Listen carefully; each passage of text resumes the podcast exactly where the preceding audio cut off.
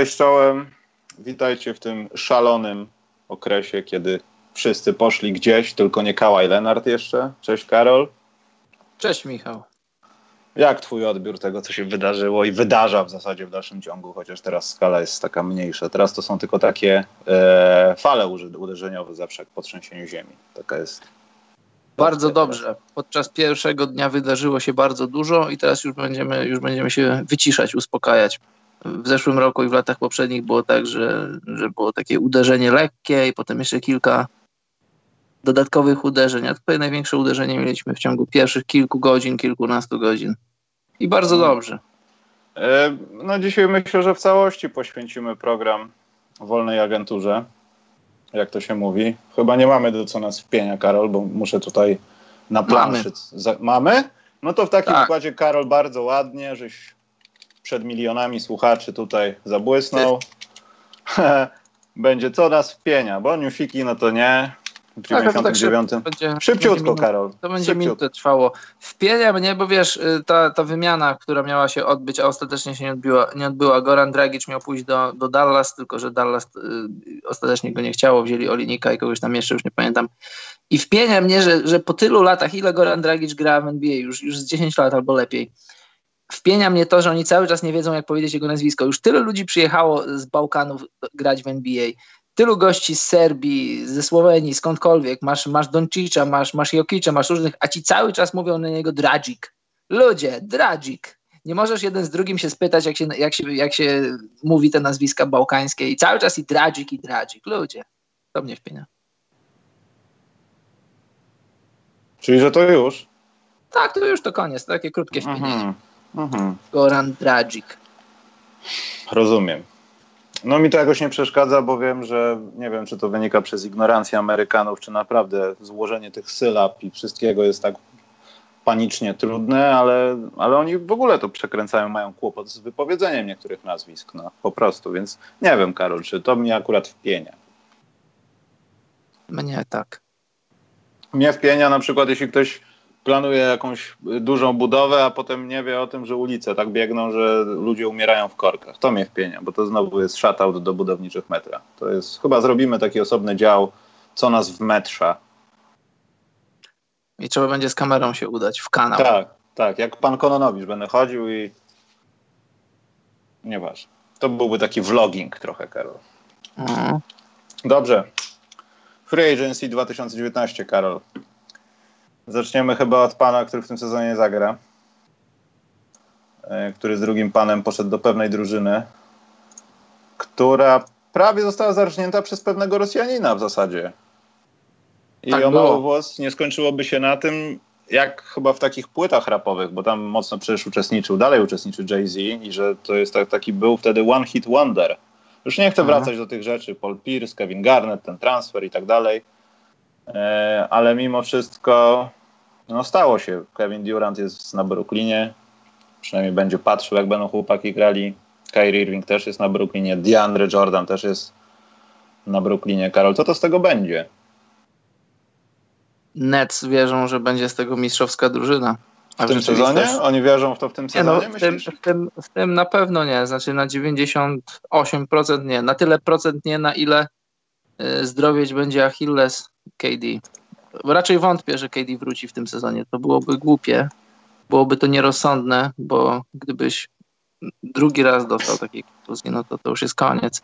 Myślę, że, że, że KD nie, zagra w tym sezonie nadchodzącym. A z samym Kyrie, z samym DeAndre i z tym, co, co mają Nets, wiesz, no Nets mają, mają sporo, sporo młodego talentu, dobry coaching. To będą playoffy, myślę, że to będą playoffy bez problemu e, na Brooklynie. Maksymalnie jakaś tam druga runda. No i tyle. To będzie taki sezon na przetarcie, taki trochę folwark dla Kairiego, żeby się wyszalał, wyszumiał KD na pewno będzie gdzieś tam w pobliżu, będzie poznawał system, zżywał się z szatnią. No niczego więcej się nie spodziewam. Znaczy spodziewam się playoffów, spodziewam się dobrej gry. Mam nadzieję, że już te wszystkie dramaty pozaboiskowe, te takie to skupianie się na własnych uczuciach, na tym, czy jestem szczęśliwy, co mi się podoba. Mam oczywiście na myśli Kairiego. Mam nadzieję, że to już będzie za nim, że skupi się tylko na grze, bo trochę zapominamy o tym, że jest fantastycznym koszykarzem i nie, niech do tego wróci. Niech wróci do tego, że jest człowiekiem, który może w zasadzie na życzenie dostawać się pod kosz, może kreować dla siebie pozycję do rzutu. Jest upgrade'em nad D'Angelo Russellem. E, upgrade'em koszykarskim. Czy charakterologicznym? Tego nie wiem, mam wątpliwości. Boję się w jednej rzeczy, Michał.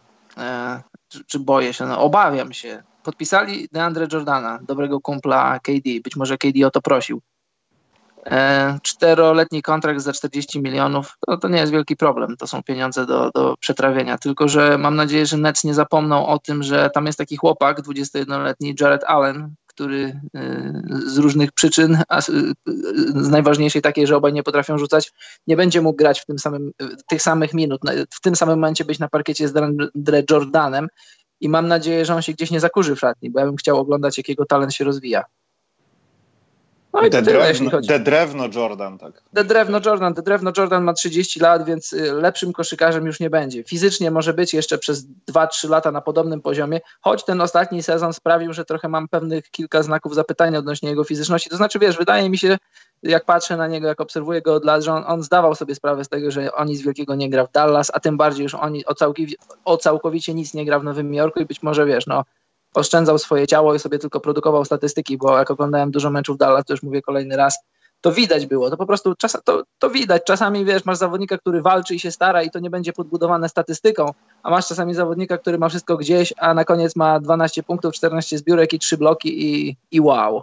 Tutaj nie było wow, więc mam nadzieję, znaczy czy mam nadzieję, mam to generalnie gdzieś, ale no jeśli fani Nets myślę, że powinni mieć nadzieję, że DeAndre Jordan wróci do tego dobrego grania, do tego, że będzie mu zależało i czy, czy fizycznie DeAndre Jordan jest w stanie ci dać to, co dawał w Clippersach, bo fizyczność to jest, ja bym powiedział, no 80% tego, co DeAndre Jordan ci daje, no bo on ci nie da rzutu, on ci nie da gry tyłem do kosza, on nie jest jakimś super podającym. To jest gość, który ma bronić obręczy, i, a z drugiej strony stawiać pick and roll i kończyć przy obręczy. Jak ta fizyczność będzie uchodzić, to i będzie ucho będą uchodzić wszystkie atuty DeAndre Jordana, więc no. Tyle o Nets dla mnie. Mm, ja bym się nie zgodził, że Allen jest aż tak bardzo lepszy od Diandre. On w wielu łaz e, Arszawin napisał na czacie. Aha, no, ja to nie wiem. Jest lepszy, znaczy ja przede wszystkim jest lepszy, bo jest bardziej perspektywiczny i ta góra jest przed nim jeszcze, to ten pik dobrej gry, ale mam pewne wątpliwości, czy Zalena tak naprawdę będzie, nie chcę powiedzieć kompletny center, ale czy to się nie skończy po prostu na dobrej defensywie, która może, nie wiem, w rezultacie nie być poparta ofensywą. Jeśli ten zespół ma tak wyglądać, to Allen może zejść na pozycję tego człowieka, który będzie świetnie grał pick and roll i dobrze się pewnie będzie czuł z Irvingiem. Natomiast yy, czy, czy to nie wpłynie na nie tyle co ograniczenie jego minut, co ograniczenie tej jego woli na boisku, no bo do tej pory w zasadzie na tej pozycji plus minus to, co każdy trener robił, co chciał i co mógł. A teraz to wszystko będzie zupełnie w innym schemacie zrobione. I też mam takie przemyślenie, jak długo im to zajmie, żeby się pokłócić. Bo to jest trochę taka sytuacja, jak, znaczy diametralnie inna, ale trochę podobna, że sezon troszeczkę na przeczekanie, na sprawdzenie naszych możliwości. Trochę jak Lakers, tak, że zeszły sezon poświęciliśmy. Tutaj nie będzie tankingu, nie będzie jakichś tego typu rzeczy, ale wydaje mi się, że ten sezon będzie na takie przetarcie, no bo nie sądzę, żeby Kevin Durant jakoś przyspieszał swój, swój powrót na boisko i żeby w tym sezonie coś z tego wyszło. A może się tak okazać, że, że za sezon już nie będzie kogokolwiek, żeby stamtąd to wyszło, bo takie upadki też widzieliśmy. No i zastanawiam się, co to będzie, Karol, no bo sytuacja jest trochę niebezpieczna. Kyrie Irving przy, przyzwyczaił nas, znaczy przyzwyczaił nas. Kyrie Irving był zawodnikiem z LeBronem Jamesem, w innych drużynach nie był zawodnikiem. Wiem, był starem, w kadrze był wszystko, tylko nie był zawodnikiem takim, jakim on miał być liderować, przejmować zespoły, trzymać zespoły. Nawet jeśli to się ma okazywać, że jesteś jednoosobową armią, to nią jesteś. Albo starasz się. No a w Bostonie widzieliśmy to, co widzieliśmy na przykład. No i ciekawe teraz, czy, czy po tej historii w Bostonie dotarło do niego, że że on może być nie Batmanem, a Robinem i czy on, się jest, czy on jest w stanie się pogodzić z tym. Wielu koszykarzy ma z tym problem i to jest problem w NBA dla nich samych. Zobacz, Chris Middleton, idealna druga opcja, fantastyczna druga opcja, ale on rozumie, że on, że, że jego sufitem jest, jest bycie drugą opcją z Janisem i on doskonale z tej, z tej, roli, z tej roli się wywiązuje. Czy Kyrie rozumiał to po, po Bostonie, czy zrozumiał to, że może być dobrym Robinem dla jeszcze lepszego Batmana, czy nadal będzie próbował być Batmanem, podczas gdy Batmanem nie jest w stanie być? Tylko, że no, tak, ja też się zgadzam, że to będzie taki rok na przetarcie. Podejrzewam, że to się zakończy playoffami bez problemu na wschodzie. I, i, i na ten moment, patrząc na, na skład Nets, no to jest, to jest drużyna Kyriego na ten moment, póki, póki nie ma KD. Y, wierzę w to, że system Kennego Atkinsona będzie w stanie go jakoś, w jakiś sposób wessać i mam na myśli wessać, że, że wiesz, no, zmaksymalizować jego talent, grać nim trochę off-ball, nie tak jak Kyrie lubi, ale tak jak Kyrie myślę, że potrafi, tak żeby można było zmaksymalizować jego talent, jego, jego umiejętności, jego doświadczenie. Jeśli Kyrie pójdzie all in w system Atkinsona, który ja bardzo lubię, bardzo lubię i obserwuję już od dawna, to możemy oglądać dobre rzeczy, a jeśli nie, no to zdziwiłoby cię, gdyby, gdyby gdzieś tam w grudniu, w styczniu pojawiły się jakieś dramaty, że Kyrie jednak mu się nie podoba. Ja bym się wcale nie zdziwił, choć wierzę, mam nadzieję, bo nie lubię oglądać dramatów, lubię oglądać dobrą koszykówkę. Więc trzymam kciuki, żeby to się udało, żeby to się przede wszystkim w szatni udało. Jak to będzie na boisku, to, to boisko zweryfikuje. Ale tak jak powiedziałeś, no, Levert teraz pozyskany nie tak dawno, Taurian Prince, E, już nie mówię o Kuruksie, Malenie, czy nawet, nie wiem, Musa nawet może mieć dobry sezon, jeśli dostanie minuty. Bo to też jest ta pozycja, gdzie Kevin Durant ją luzuje przez to, że go nie będzie. I tam będzie właśnie ten proces wybrania kogoś, kto na przyszły sezon będzie dobrze go wspierał z ławki albo dobrze wejdzie w naszą rotację. I o to jestem spokojny, tylko martwię się o ten taki czynnik Irvinga. Wiem, że Durant będzie go prostował, jak będzie trzeba, nawet nie grając. Ale ja mam bardzo duże obawy, czy Irving właśnie stanie się w końcu tym, kim ma się stać. Ja nie mówię jako zawodnik, tylko bardziej jako osoba, bo u niego to się wszystko zaczyna od tego, jaką ma być osobą dla tej drużyny. No.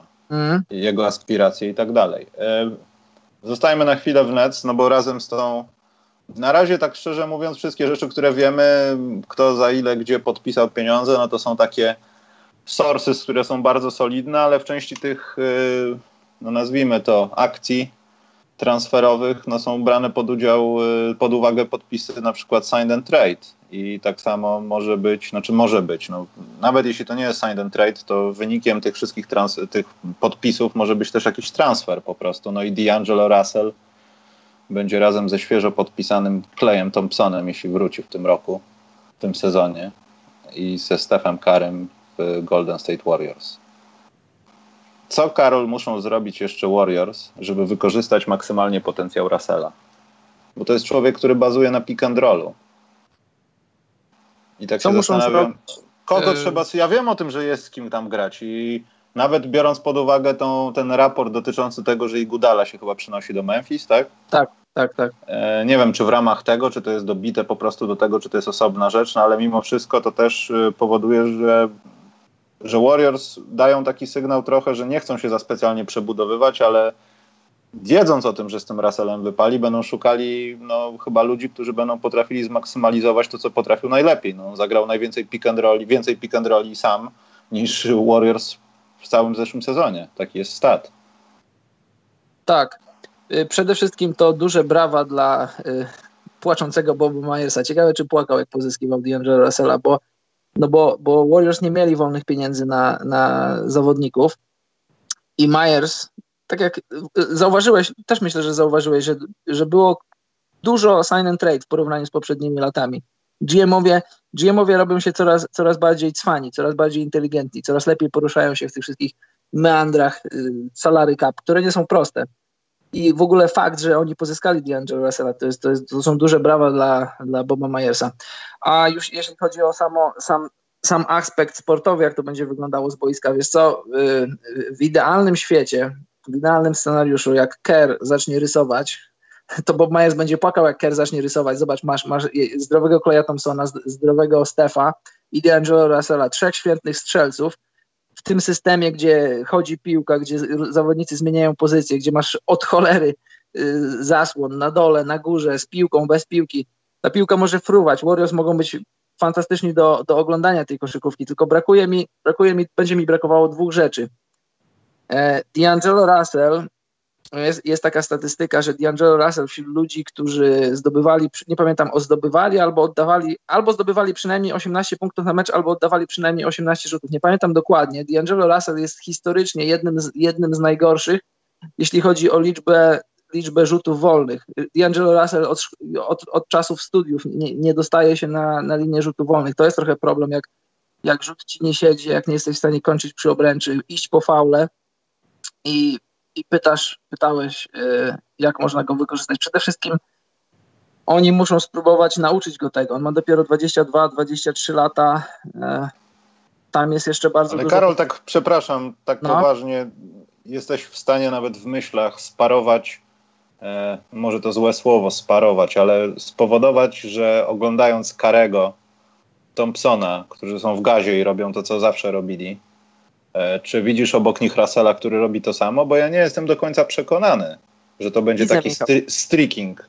Widzę, Michał, wiesz, widzę, Michał, tylko że on musi, on tak jak na przykład KD przyszedł do tej drużyny, musi się wyzbyć swojego ego. Nie wiem, czy to zrobi, to łatwo powiedzieć zobacz, Steph jest fantastyczny pod tym, pod tym względem. On z otwartymi ramionami przyjął KD, nie miał problemu, żeby trochę zejść w cień, kiedy trzeba było. Clay tak samo. Jeżeli on będzie all in do tego systemu, jeżeli on uwierzy w system Kera, to ja myślę, że takich trzech super strzelców będą, będą, mogli, będą mogli maksymalizować siebie nawzajem, bo żadnego z nich nie możesz zostawić niepilnowanego możesz robić cuda, jeśli chodzi o pick and roll, możesz robić cuda, jeśli chodzi o kreowanie pozycji, jeśli chodzi o minięcia Stefa. Stef potrafi minąć każdego w, pierwsze, wiesz, w pierwszej linii. Stwarzając, stwarzając w ten sposób przewagi, może odgrywać piłki do, do Draymonda Greena. Draymond Green może szukać i, i D'Angelo, i Kleja. Tam może się dziać dużo ciekawych rzeczy. Sam Draymond Green, rozgrywający piłkę z pozycji wysokiego zawodnika, może robić dużo. Podstawowa rzecz jest taka, że D'Angelo musi się wkupić w ten system. Będą, będą wieczory, kiedy będzie oddawał po 20 plus rzutów, będą wieczory, kiedy będzie oddawał po 8-9 rzutów i on musi, on musi to zrozumieć i on musi się w to kupić. I jeśli to zrobi, to, to, to widzę oczami wyobraźni, jestem w stanie sobie wyobrazić, że ta drużyna działa jak, jak dobrze naoliwiona maszyna. Michał. Poczekaj, bo wszedłem w świat czatu, Karol, bo dzisiaj wyjątkowo jest jakoś dużo osób. Znaczy ja wiem, mm. że free agency i tak dalej, ale poczekaj, bo to już ponad 100 osób, ja muszę tu ogarniać. E, tutaj Beardwood, Beardwood Workshop, super podcast. Myślicie, że skoro D'Angelo poszedł do Golden State, to Kawhi pójdzie do Lakers? Wiesz co, chcieliśmy o tym pogadać potem, ale nie wiem, czy jest tak naprawdę sens o czymkolwiek gadać, bo ja Wiem, słyszałem, pani Bas gdzieś tam z Kałajem coś jest na rzeczy, ale mm, też mi się wydaje, że chyba zostanie w Raptors. Bo gdyby miałoby się to tak, to nie pasuje do Kałaja, ale trochę może pasuje do jego wujka, że ta decyzja byłaby chyba od razu, jeśli miałaby być taka inna niż zakładamy, niż się spodziewają eksperci, cokolwiek. I tak nie do końca no jestem przekonany. Natomiast ta drużyna, czyli Los Angeles Lakers, no, musi mieć jakiegoś piątego bądź szóstego zawodnika, więc to jest bardzo prawdopodobne. Taki żart, że oni nie mają nawet piąt. Znaczy nie, teraz mają piątkę licząc tego debiutanta, to mają pięciu zawodników. Tak. Cudownie. Słuchaj, co do, co do Kałaja, to możemy wyróżnić twórców, ale najfajniejsze było to, kiedy otworzyło się okno wolnej, wolnej agentury, pojawiła się wiadomość, że Kawaj pierwszego dnia wolnej agentury nie będzie się z nikim spotykał, czyli load management nawet i w wolnej agenturze. No tak, no co ja się będę przejmował. No ale tu sprawa jest rozwojowa. Hashtag jak zwykle Kałaj jest nigdzie jeszcze, ale ja chyba stawiam, że to będzie Toronto. Wydaje mi się, że patrząc na to, biorąc pod uwagę to, że on też ma telewizję i też ogląda i też ma internet, no to może to bardziej będzie go podniecało to, co się stało właśnie w Brooklynie, żeby zostać w Toronto nie byłbym taki pewien, że Kawhi ma telewizor w domu. Ale internet ma. Słuchaj, mogę jedną rzecz ci powiedzieć.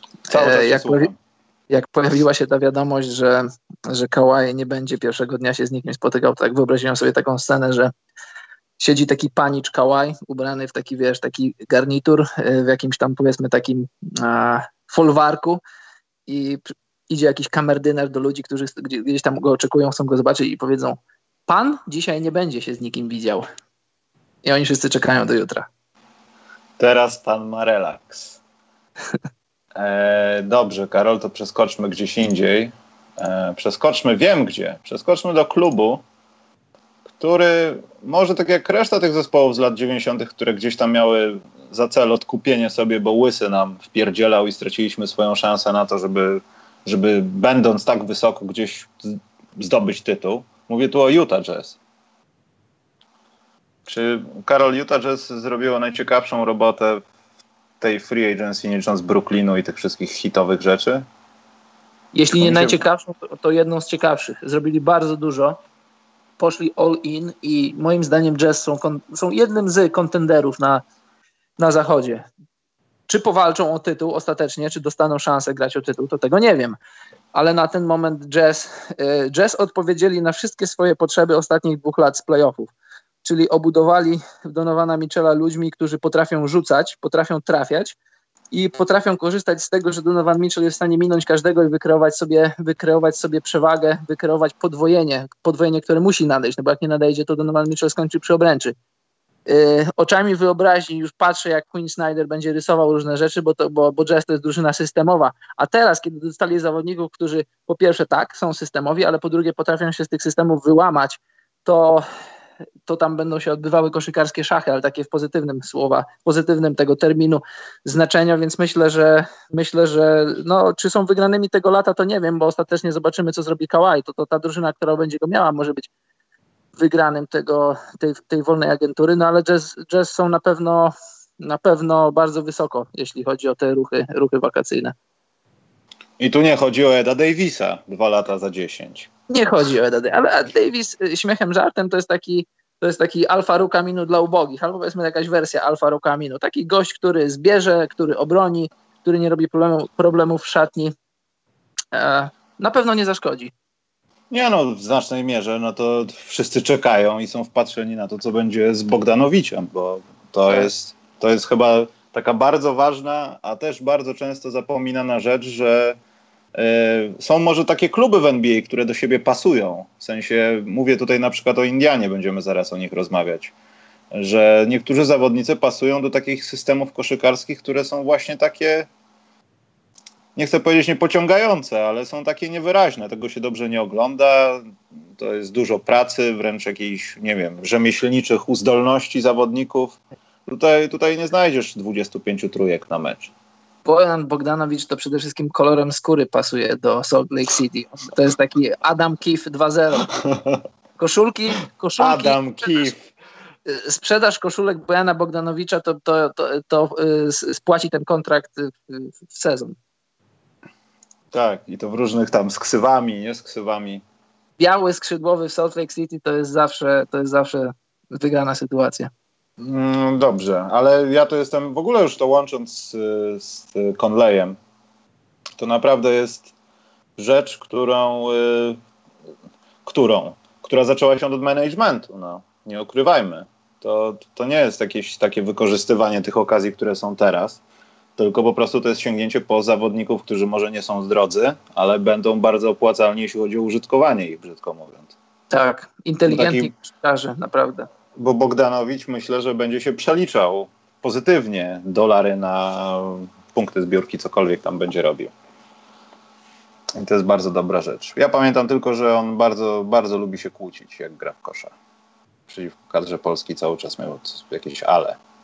No słuchaj, jak każdy, jak każdy koszykarz z Bałkanów, prawie każdy. Myślałem, że powiesz każdy Chorwat. Chorwat nalewa wszystkim. Dobrze, Karol, wybieraj ekipę, do której teraz idziemy. Może być jedna z zachodu albo jedna ze wschodu. Chodźmy do Bostonu. Daj rękę, pójdźmy do Bostonu. Tak? Do Kembuni? Tak. Kembunia moim zdaniem się władował.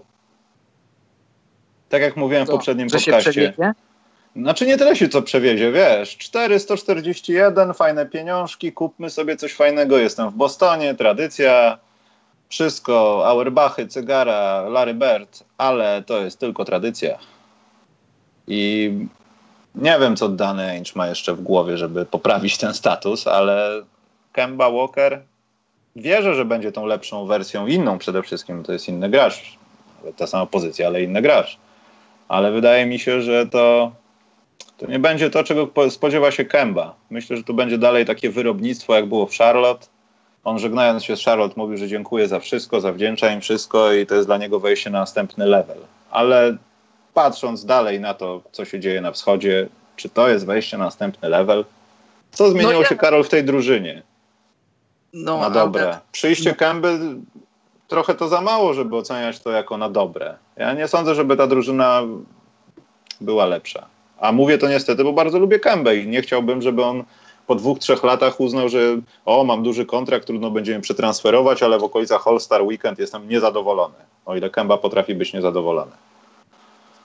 Nie no, ale to jest, Michał, wejście na wyższy level, bo... Nie, no oczywiście, tylko wątpliwości są duże. To nie jest wejście do Los Angeles Lakers, że mam święty spokój. Jest, jest bardzo dużo wątpliwości, tylko że tylko, że no, ta, no, sportowo jest to wejście na wyższy level. Z Hornetsami, z Hornetsami Kemba musiałby się zażynać, wypróbować sobie flaki, żeby wygrać 37 meczów i do playoffów ostatecznie nie wejść. Z Bostonem, moim zdaniem, być może się mylę, ale z Bostonem playoffy no, są, są jest obowiązek, żeby wejść do playoffów z takim składem. E, Gordon Hayward będzie zdrowszy, będzie lepszy. Na pewno będzie lepszy. No, zakładam, że będzie lepszy niż w minionym sezonie, w którym cały czas się rehabilitował. E, zakładam, że Tatum będzie lepszy. Zakładam, że, że Jalen Brown będzie lepszy. To, to, ta drużyna to nie jest drużyna, która zdobędzie mistrzostwo. To nie jest drużyna, która nawet y, przy gorszym jakimś tam układzie może nawet nie przejdzie pierwszej rundy, jak się, jak się spotka na przykład z Milwaukee Janisem. No ale to jest drużyna, która, która, o której będzie się mówić. To jest drużyna, o, o, przyjeżdżając do której nie będziesz mógł sobie po prostu przespacerować i wygrać mecz. Dalej tam jest Smart, dalej tam jest y, no, ci goście, o których już wspomniałem wcześniej. To, to, to jest nadal, nadal playoffowa drużyna. To jest drużyna z talentem, którego, którego Kemba nigdy nie miał jeszcze w swojej karierze. Tak myślę. Drużyna, bez, drużyna na dzień dzisiejszy bez przyzwoitego centra. A to tak, no Daniel Tice, nie licząc Daniela Tice'a, to tak. No tak, no nie licząc, a poza tym no też trzeba się liczyć z tym, że może center nie będzie jakoś tak specjalnie potrzebny, natomiast nie szukałbym jakiegoś drugiego ala Horforda, ale to jest osoba, która przynajmniej rozmiarami musi tam być. Nie wiem, jakiś Ed Davis, jakiś ktoś, ktokolwiek. Robert Williams sam sobie te rady nie da, Karol, umówmy się. No chyba nie. On jest na poziomie braku kondycji i zastanawiania się, czy zapalić papierosa. Nie no, przesadziłem, ale będzie sam, jest sam i tam na pewno to, co widzimy w tych... Yy, jak to się mówi, depth chartach przed sezonem, no to na pewno się zmieni, tylko w kogo się zmieni, bo to wydaje się być bardzo ważna rzecz po prostu dla samego nawet Kęby i Bostonu. Co z tego, że wszystko będzie grało, skoro tam będzie ewidentna dziura. To robimy kampanię Gortat do Bostonu? No już była kampania Gortat do Houston i się wszyscy tam zdenerwowali w internecie tylko. Tak. No ale ja życzę Kębie jak najlepiej. Charlotte też życzę jak najlepiej. Bo nie wiem kompletnie teraz, co będzie Charlotte Hornets. Nic, dramat. Dramat. I to w wielu odsłonach podejrzewam, ale może Emoni Bates czy ktoś inny trafi do draftu. Eee... Zastanawiam się, o kim tu pogadać, ale ja bym na chwileczkę został, Karol, przy dwóch takich maluteńkich rzeczach, które w zasadzie niczego nie wnoszą do tych dwóch ekip, bo to było trochę przesądzone. Jedno bardziej, drugie mniej ale mimo wszystko też chyba, biorąc pod uwagę to, co się dzieje w jednej z tych ekip, mówię tu o tym przedłużeniu Lillarda i e, Jamalu Murray'u e, z Denver, który w zasadzie dostał, dostanie kolosalne pieniądze. Tak. I to jest jeden z tych zawodników, na których chyba będziemy patrzeć e, w portfele prosto, czy to się opłacało. Bo ja nie chciałbym, Karol, dożyć takiego momentu, że na Mareju będzie ten stempel o, o 170 na 5 lat. Mhm tak, a ty jesteś tutaj. Mam nadzieję, że to im się opłaci i to był taki potrzebny, odważny ruch. Bo to jest no, kupa kas. Tak, to jest, to jest dużo pieniędzy i to są pieniądze ewidentnie zapłacone na poczet, na poczet przyszłych sukcesów. Mare ma dopiero 22 lata, w lidze nie pokazał aż tak dużo, ale chyba na tyle dużo, że, że, że sztab mu wierzy. Wiesz, sztab widzi go codziennie, widzi jak trenuje, jak przychodzi do treningów, jak, jak, jak traktuje swoją pracę i, i, i w, Denver, w Denver wierzą, że to się ostatecznie opłaci. E, wiesz, ja też mam kilka znaków zapytania. Nie wiem jeszcze. Próbka moim zdaniem była trochę za mała, ale też rozumiem, że, że chcesz mieć go już pod kontraktem i się, i się nie martwić o nic, o, o nic więcej. On sam też nie martwi się o nic więcej. Teraz dostaje kredyt zaufania, klub mu powiedział, wierzymy w ciebie, a ty się rozwijaj i bądź z Jokiczem przyszłością tej ligi. Bo zobacz, on ma 22 lata i jak spojrzysz na, na tych wszystkich Hardenów, Karych, Lebronów i innych, yy, nawet Kałajów, Kairich, to, to są zawodnicy 27 lat plus. Nie ma młodszego zawodnika niż 27 lat. Harden ma 29, 30, Westbrook tak samo 30, 31 i moim zdaniem timing jest całkiem, całkiem sprzyjający Denver. Jeżeli to wypali, jeżeli to się uda, to za, za 3 lata, za 3 lata, kiedy, kiedy Murray będzie miał lat 25 i będzie już o 3 lata bardziej doświadczony, już masz wychodzącego z prime'u Hardena, wychodzącego z prime'u y, Stefa, grubo po 30 Butlera, 30-letniego Kawaja i tak mogę wymieniać dalej, dalej, dalej, 38-letniego Lebrona i wtedy wchodzą, i wtedy wchodzą Nuggets. W, w, w idealnym scenariuszu Nuggets mogą przejąć ligę. Czy to zrobią, tego nie wiem, ale mam zalążki ku temu, żeby w to wierzyć. Więc, nuggets y, wchodzą ubrani na biało, jak w tym żarcie. A wtedy wchodzą nuggets, cali na biało. Jasne, pieniądze duże, pieniądze są bardzo duże, ale, ale te pieniądze mogą się opłacić, te pieniądze mogą się zwrócić i sportowo, poza sportowo to wiadomo, na pewno się zwrócą. Y, bardzo mi się podobało w tych playoffach to, że Marej, y, to były jego pierwsze playoffy i on nie pękł, nie pękł w nich. 21 punktów, 4 zbiórki, 4 asysty, bardzo mało strat i przyszedł do, do tej serii, zobacz, y, Spurs próbowali go tam, próbowali różnych sztuczek, jak to Greg Popowicz. On, on na początku trochę się zgubił, ale potem zareagował dobrze, odbudował się. Podobało mi się to, że on brał w ataku to, co obrona mu daje. Jeśli obrona mu czegoś nie, nie pozwalała, w jakiś sposób go ukierunkowała, to on zaskakiwał i robił coś innego. To mi się podoba, że jest myślącym zawodnikiem, jest inteligentnym zawodnikiem. Y, jest na swój sposób atletyczny, nie jest jakimś tam super atletą, nie dankuje na wszystkim, ale jest atletyczny w inny, w inny sposób. I no, jak dla mnie bardzo zrozumiały podpis. Być może za szybko. Możemy dyskutować na ten temat, ale jak dla mnie bardzo dobry podpis. No bo w tych pięcioletnich, no to tak naprawdę e, został mniej, ale to pogadamy zaraz o tym Dallas, ale przejdźmy na chwilę do Portland, bo oni tutaj nie, nie tak dawno temu, ale też dokonali wymiany nie to, że się cieszę, że w końcu Meyers Leonard odchodzi z tego zespołu, ale w Portland pojawia się Hassan Whiteside, Karol. Mhm. Czy Hassan Whiteside będzie w końcu zadowolony z życia tam? Bo w Miami nie był zadowolony z życia. Ja nie wiem, czy to było za sprawą dwóch lat Bama Adebayo, ale on nie był zadowolony z życia tam.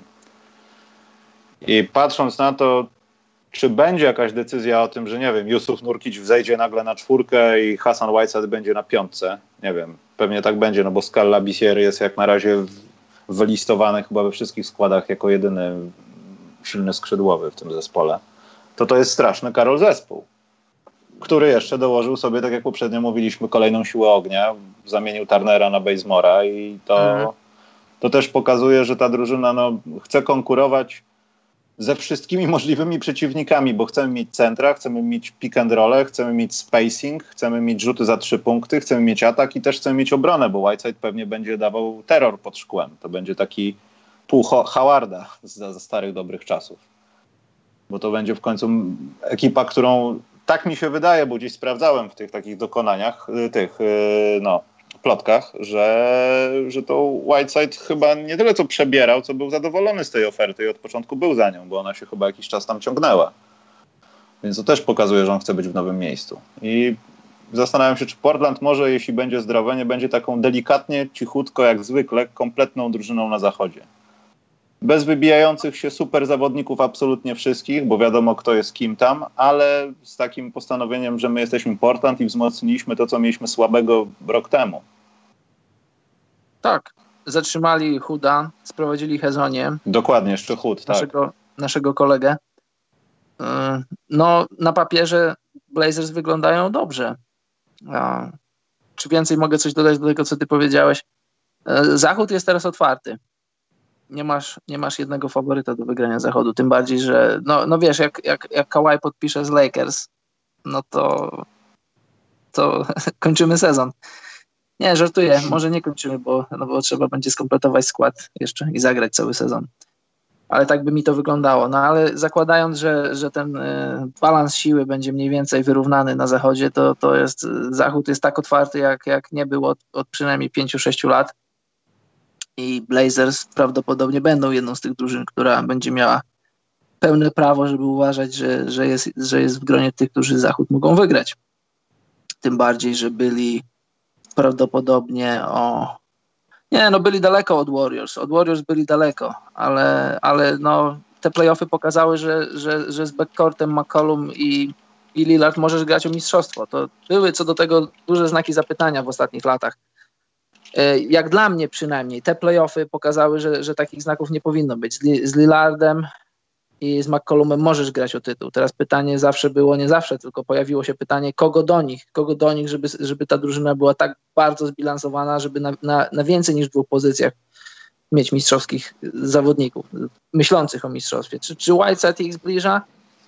No, na pewno ich nie oddala, czyli aż tak bardzo zbliża, no to zobaczymy na boisku, jak ta współpraca będzie wyglądała. Whiteside nie rzuca, Whiteside nie gra tyłem do kosza, on, on jest Ale Karol, no. ja nie chcę mówić źle na przykład o Davisie, nie? czy tam nawet Lenardzie, który jako tam gdzieś jako wsparcie zdarzało mu się naprawdę wybitnie pomagać i wybitnie, jak wybitnie, jak na niego wybitnie ale to chyba zawsze była taka, no, to jest zawsze taka bolączka zespołów, które mają na ustalonej pozycji jakąś gwiazdę, no, że jeśli to jest Lillard, Lillard albo McCollum, no to trzeba się spodziewać, że przez salary cap i tak dalej, i tak dalej, ty możesz nie mieć trzeciej, odpowiedniej osoby jako centra albo na innej pozycji e, w tym zespole, no ale masz Nurkicia jeszcze. I to pozwala chyba przestać się martwić wysokim zawodnikom, kiedy Hasan Whiteside jest na boisku, żeby zaopiekować się pomalowanym, zastawić, zablokować, nawet stanąć, rozłożyć ręce, nie wiem, będą grali przeciwko, strzelam teraz, Brooklyn Nets i Kawhi będzie, przepraszam, Kyrie będzie katował tablicę zawsze z prawej, z lewej strony i to będą wysokie piłki. Hassan Whiteside uwielbia coś takiego. On tak. wyskakuje do góry i ma czwarte piętro, wiesz, to są rzeczy, które może Zion będzie robił, no, ale to Hassan Whiteside to jest kawał chłopa, który po prostu będzie zajmował swoim ciałem pomalowane i jeśli będzie dobrze grał, bo też widzieliśmy w, w Miami takie sytuacje, że Hassan Whiteside stoi, a tam ludzie go trzy razy słabsi i mniej się objeżdżają jak tyczkę. Bo on raz wyskoczył, gdzieś został i... To prawda, głowa, głowa Hassana Whiteside'a jest równie ważna, jak jego zdrowe mięśnie, stawy, ścięgna. To jest rzecz, która przecież, to jest rzecz, przez którą wyleciał na początku swojej kariery z NBA. Wrócił, ale tak jak mówisz, były, bywały z nim wychowawcze problemy w Miami. Jeżeli jeżeli w Portland uda im się nakręcić go dobrze na dobre granie, no to tak jak mówisz, jest, jest super, to znaczy potrafi być super w obronie, potrafi, potrafi bronić obręczy, bo jak ta, ta, takie bronienie jeden na jednego takich powiedzmy embidów, to to już trochę gorzej z tym sprawa wygląda, no ale takie bronienie penetrujących ludzi, no to jest, jest postrachem pod koszem, to, to nie ma co do tego dwóch zdań. E, dobrze, to idźmy dalej, bo ludzie się tego domagają zanim będziemy katować i roastować Chicago Bulls i mówić o tym, jak jako internet odebrał pojawienie się Tomasza Satorańskiego. Nie wierzę w to, Karol, dalej, albo się nie znam na koszykówce kompletnie. E, ale pokatujmy New York Knicks, którzy wydawać się mogli, no po prostu ktoś im dał pieniążki i powiedział, wydawajcie sobie do woli. Ważne, żebyście się zmieścili w tym, co mieliśmy wydać na przykład na Kristapsa albo kogoś innego, przechwytując go na rynku wolnych agentów. Podsumowując, w Nowym Jorku jest Touch Gibson. Reggie Bullock. Karol, mam powtórzyć to nazwisko, czy zrozumiałeś, co chciałem przez to powiedzieć? Na razie, na razie rozumiem i nadążam. Reggie Bullock, powtórzę ci. Każdy kibic Detroit Pistons y, może ze mną pogadać na ten temat. No dobrze, Ellington jest ok, ale Randall, ale Bobby Portis jest może ok, ale Touch Gibson to nie chcę ich niszczyć za bardzo. I teraz Alfred Payton jeszcze chyba dwuletni kontrakt podpisał. Y, ma podpisać. To nie wydaje mi się to taką robotą, która powoduje to, że Knicks będą coś budować i będą taką, bo to tak trochę wygląda patrząc na papier, że będą taką twardą drużyną z lat 90. Tu się tam pomocują, tu kogoś pobiją, za trzy rzucą, ale to im niepotrzebne, bo grają za dwa. Wiesz, rozumiesz? Tak, rozumiem.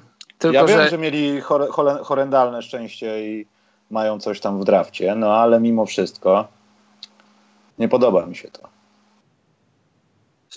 Rozmawialiśmy o tym wcześniej, ja trochę inaczej na to patrzę. Ja się nie śmieję z Nowego Jorku, no bo ostatecznie to nie była ich wina, że, że ludzie nie chcieli podpisywać tam kontraktów. Karol, to no jest ich wina. To ja nie wiem, można no, mówić o no, tym, że słuchaj, to nie jest tak, ich wina. To oni stworzyli te warunki, oni stworzyli tą jasne. atmosferę i Dolan Dobra. jest prawdopodobnie odpowiedzialny za to wszystko. Tak, Michał, i tak i nie. Dolan jest i on tam jest i on będzie, dopóki, dopóki nie wiem co, ale będzie.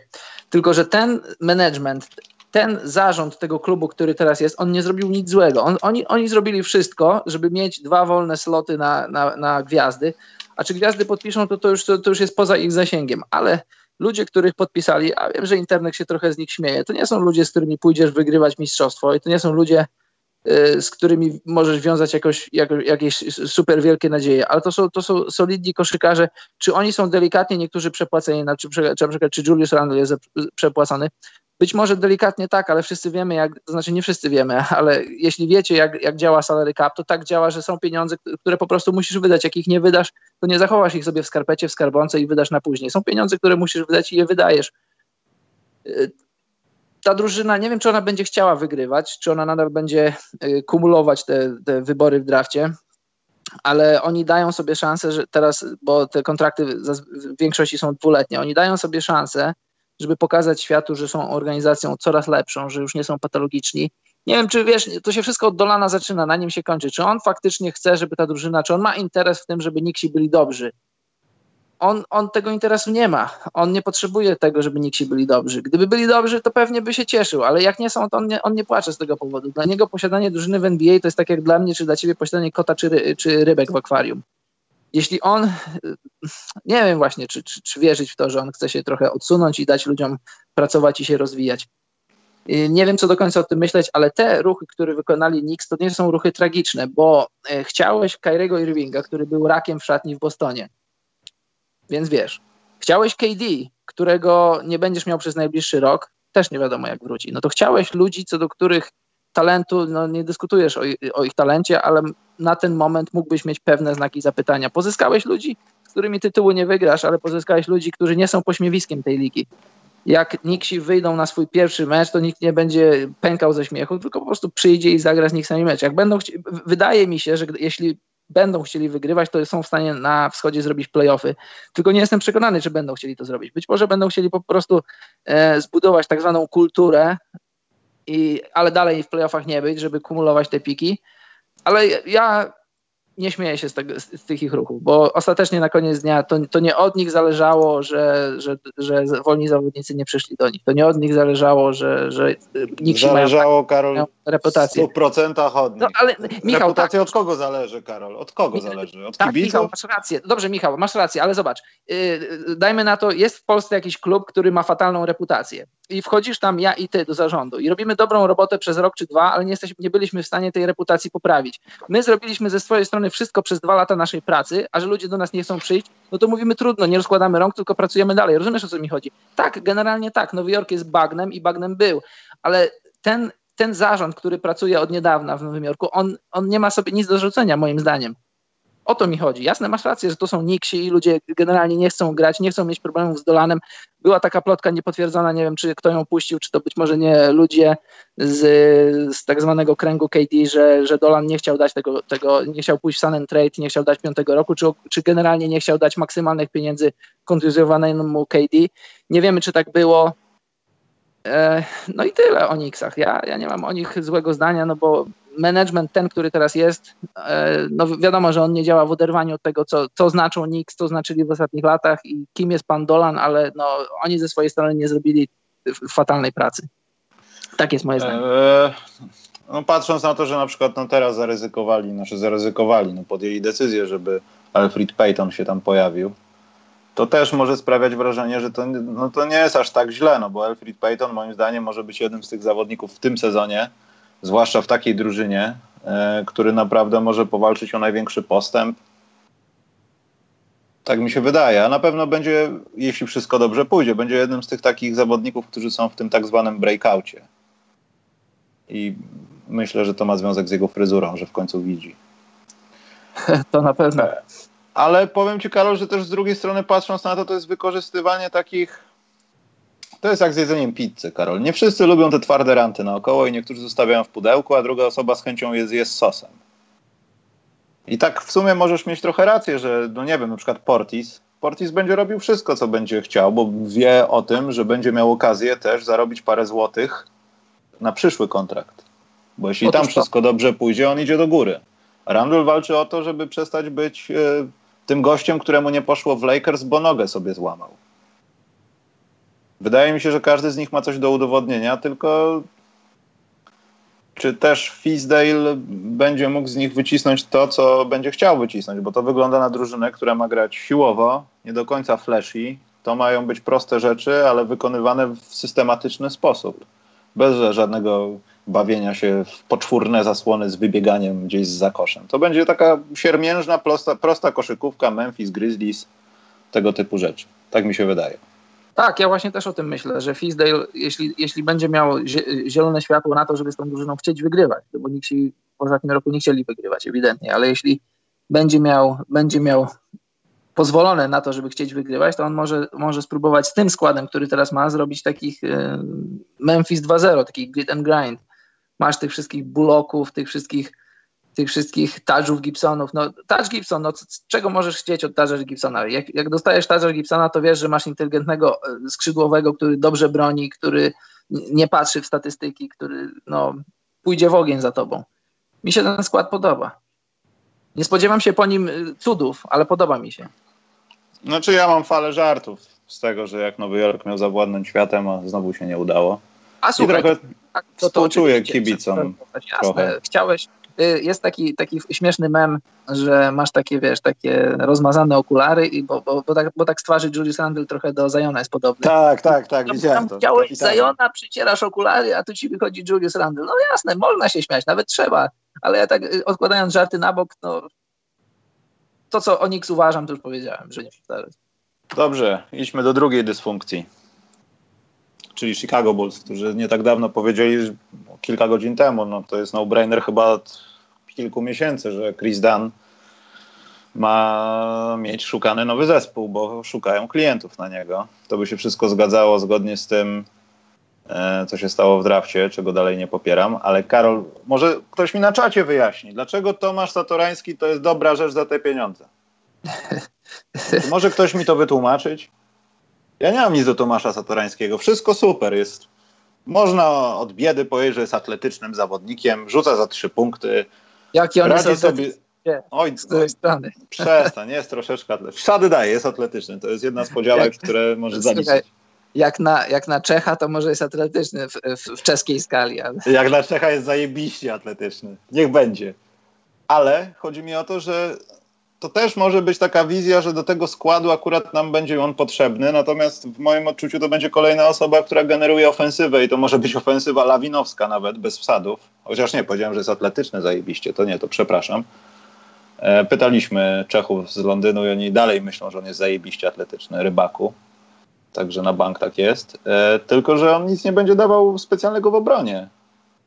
I e, nie, nie, nie, nie, widzę sensu. No co, upychanie go na ławce, czekanie na to, że on ma taką predyspozycję, że jak ktoś się skontuzjuje, to ma dobry sezon, bo rozdaje się 35 minut trzem zawodnikom, jak to widzieliśmy w zeszłym sezonie i jeszcze w zeszłym sezonie, kiedy Satorański był używany, brzydko mówiąc w ten sposób. No właśnie, czy dobrze broni, to jest mit. On niedobrze broni, on jest minusowym obrońcą. No.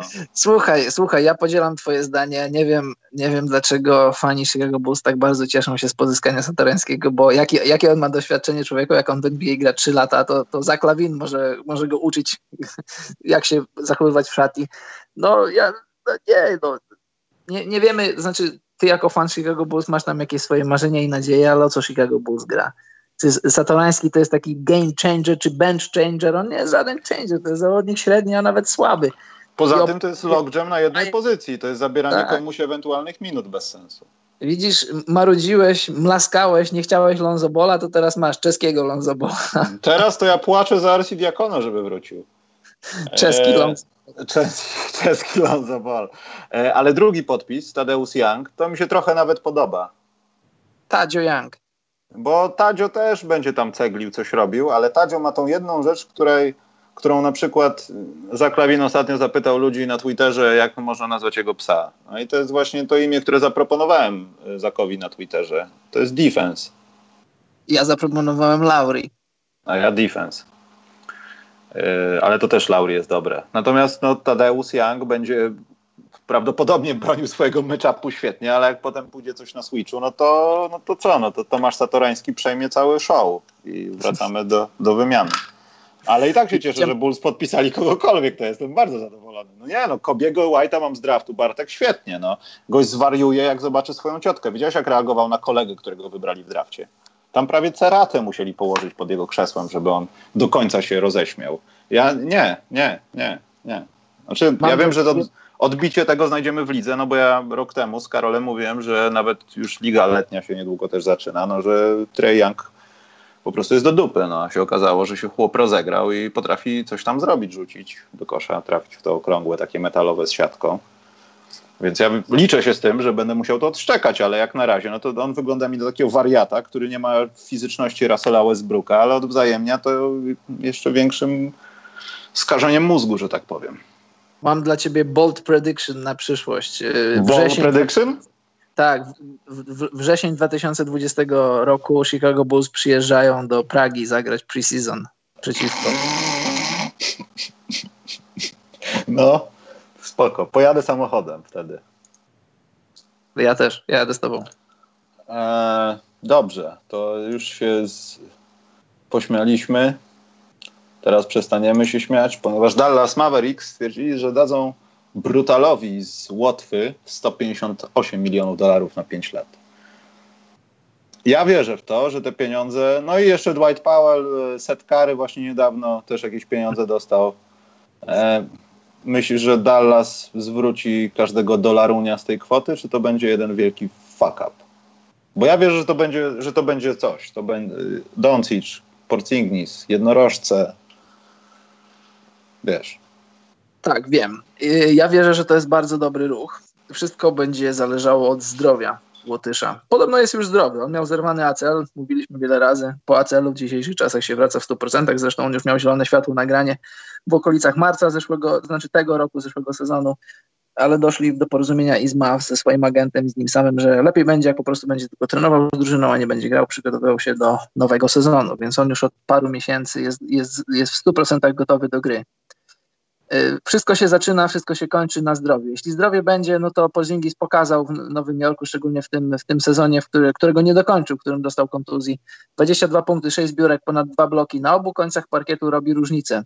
Wysoki zawodnik, punktujący, wysoki zawodnik, broniący obręczy, dobrze biegający, kozłujący. Jeśli będzie zdrowy, to fantastycznie, bo masz masz 150 y, milionów, 158 milionów dolarów w, w pięciu latach. No to jak to sobie podzielisz, to wychodzi tam 30 milionów z kawałkiem Czyli jak za gwiazdę, to nie, to nie są aż tak wielkie pieniądze. Jak spojrzysz na to, kto będzie zarabiał 30 milionów plus z zawodników, którzy gwiazdami nie są, no to to jest, to jest całkiem niezła inwestycja, moim zdaniem. I tak sobie myślę, że, że Pozingis i jego agent, który jest jego bratem, jak dobrze, jeśli się nie mylę, e, woleli tak zwanego wurbla w garści. Bo możesz tam, wiesz, stawiać na samego siebie, ale jak przydarzy ci się druga kontuzja, co nie jest wykluczone u, u tak dużego zawodnika, no to wtedy twoja wartość już spada, spada bardzo. Oni, oni postanowili spieniężyć to, to, to, co, to, co, to wyobrażenie o Pozingisie, które nadal jest i moim zdaniem zrobili dobrze. Być może gdybyś tam bawił się w jakieś 1 plus 1, to, no to za rok czy dwa dostałbyś dużo więcej, no ale no, lepiej nie igrać z takimi rzeczami, jeśli po pierwsze nie masz odłożonych aż tak dużo pieniędzy, a po drugie aż tak bardzo nie ugruntowałeś swojej pozycji w lidze. Moim zdaniem super deal, i jeszcze raz, jak będzie zdrowie, to ten deal się spłaci, bo 30 milionów z kawałkiem, niedużym kawałkiem za, za gwiazdę takiego formatu, jaką może być Porzingis, moim zdaniem, jak będzie zdrowy, no to, to są pieniądze dobrze zainwestowane. A Powell, no. Dwight Powell, a Dwight Powell, no to tak wiesz, 3 lata, 30 milionów, 33. Dwight są... Powell mam wrażenie, że on będzie takim do końca kariery zawodnikiem, który będzie zgarniał właśnie takie, ja to nazywam sprawiedliwe pieniądze, tak. To, to jest takie coś, co Joachim Noah przychodził, jak był, nazwijmy to w swoim prime. I pistoleciki tak. były do kabury, wiesz. Tak, to jest coś takiego, coś, coś takiego, co nie obciąża twoje, twojego salary aż tak bardzo. To jest coś takiego, że jak będziesz chciał to ruszyć w wymianach, to to bez problemu ruszysz. Super podpis, nie mam żadnych, nie mam żadnych y, no, zastrzeżeń. E, Polako napisał, czy nie boimy się o głowę Porcingnisa zamiast ACL. I właśnie to jest dla mnie właśnie największe zagrożenie chyba ale, ale, ale wydaje, no to ja nie mówię na, na parkiecie, ale wydaje mi się, że te, że te jego akcje pozaboiskowe mogą być problemem, jedynym jaki może wystąpić, bo ja nie wierzę w to, żeby Kristaps się ciął z Doncicem i były jakieś tarcia tutaj. Tak. Jeszcze u Kubana, to Cubana tak. to nie da rady, no nie da rady. No. Albo to będzie bardzo szybko zagaszone, albo po prostu nie będzie okazji, żeby takie sytuacje powstały. No, a, a, a druga sprawa jest taka, że no, mili Państwo, zawodowi sportowcy to nie są, to nie są grzeczni chłopcy. To są, to są zazwyczaj, no nie zazwyczaj, nie, nie, może nie w większości, no ale w wielu przypadkach zawodowi sportowcy to są, to są, to są łobuziaki, nic po nie. Nie, nie robią grzecznych rzeczy. To, to, żeby nie powiedzieć za, dwa słowa za dużo. Jeżeli, jeżeli Kristaps lubi, lubi imprezować i lubi kobiety, ja, ja nie mam z tym problemu Problemem może być to, jeżeli to będzie zaburzało jego grę, jego trening, jego relacje z ludźmi na parkiecie i poza parkietem, z jego miejsca pracy. A to, że jest nic po niem, no to niech sobie będzie, nie ma problemu. Huncwotem nawet bym powiedział. Nawet. Nawet. Nawet huncwotem. Rozrabiaką takim.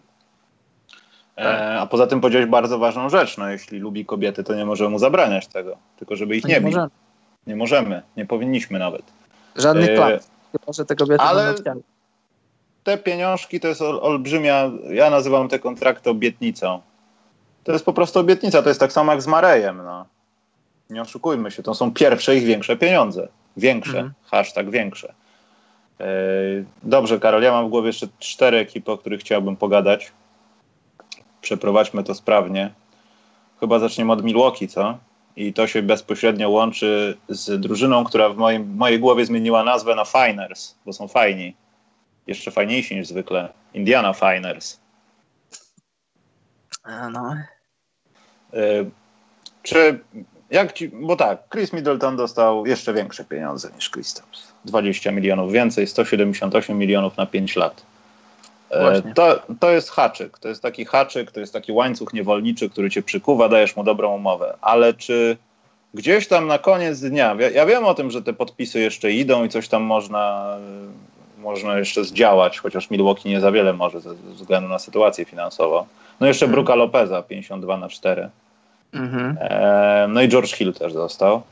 Mhm. E, czy strata Brogdona Lopez. i Lopez, no Lopeza powiedziałem, czy strata Brogdona e, do Indiany to z biegiem czasu nie okaże się dużo ważniejsza niż podpisanie Middletona w tych pieniądzach? A, to jest dobre pytanie, Michał, bo Brogdon Brogdon jest koszykarzem mądrym, przede wszystkim mądrym jest koszykarzem.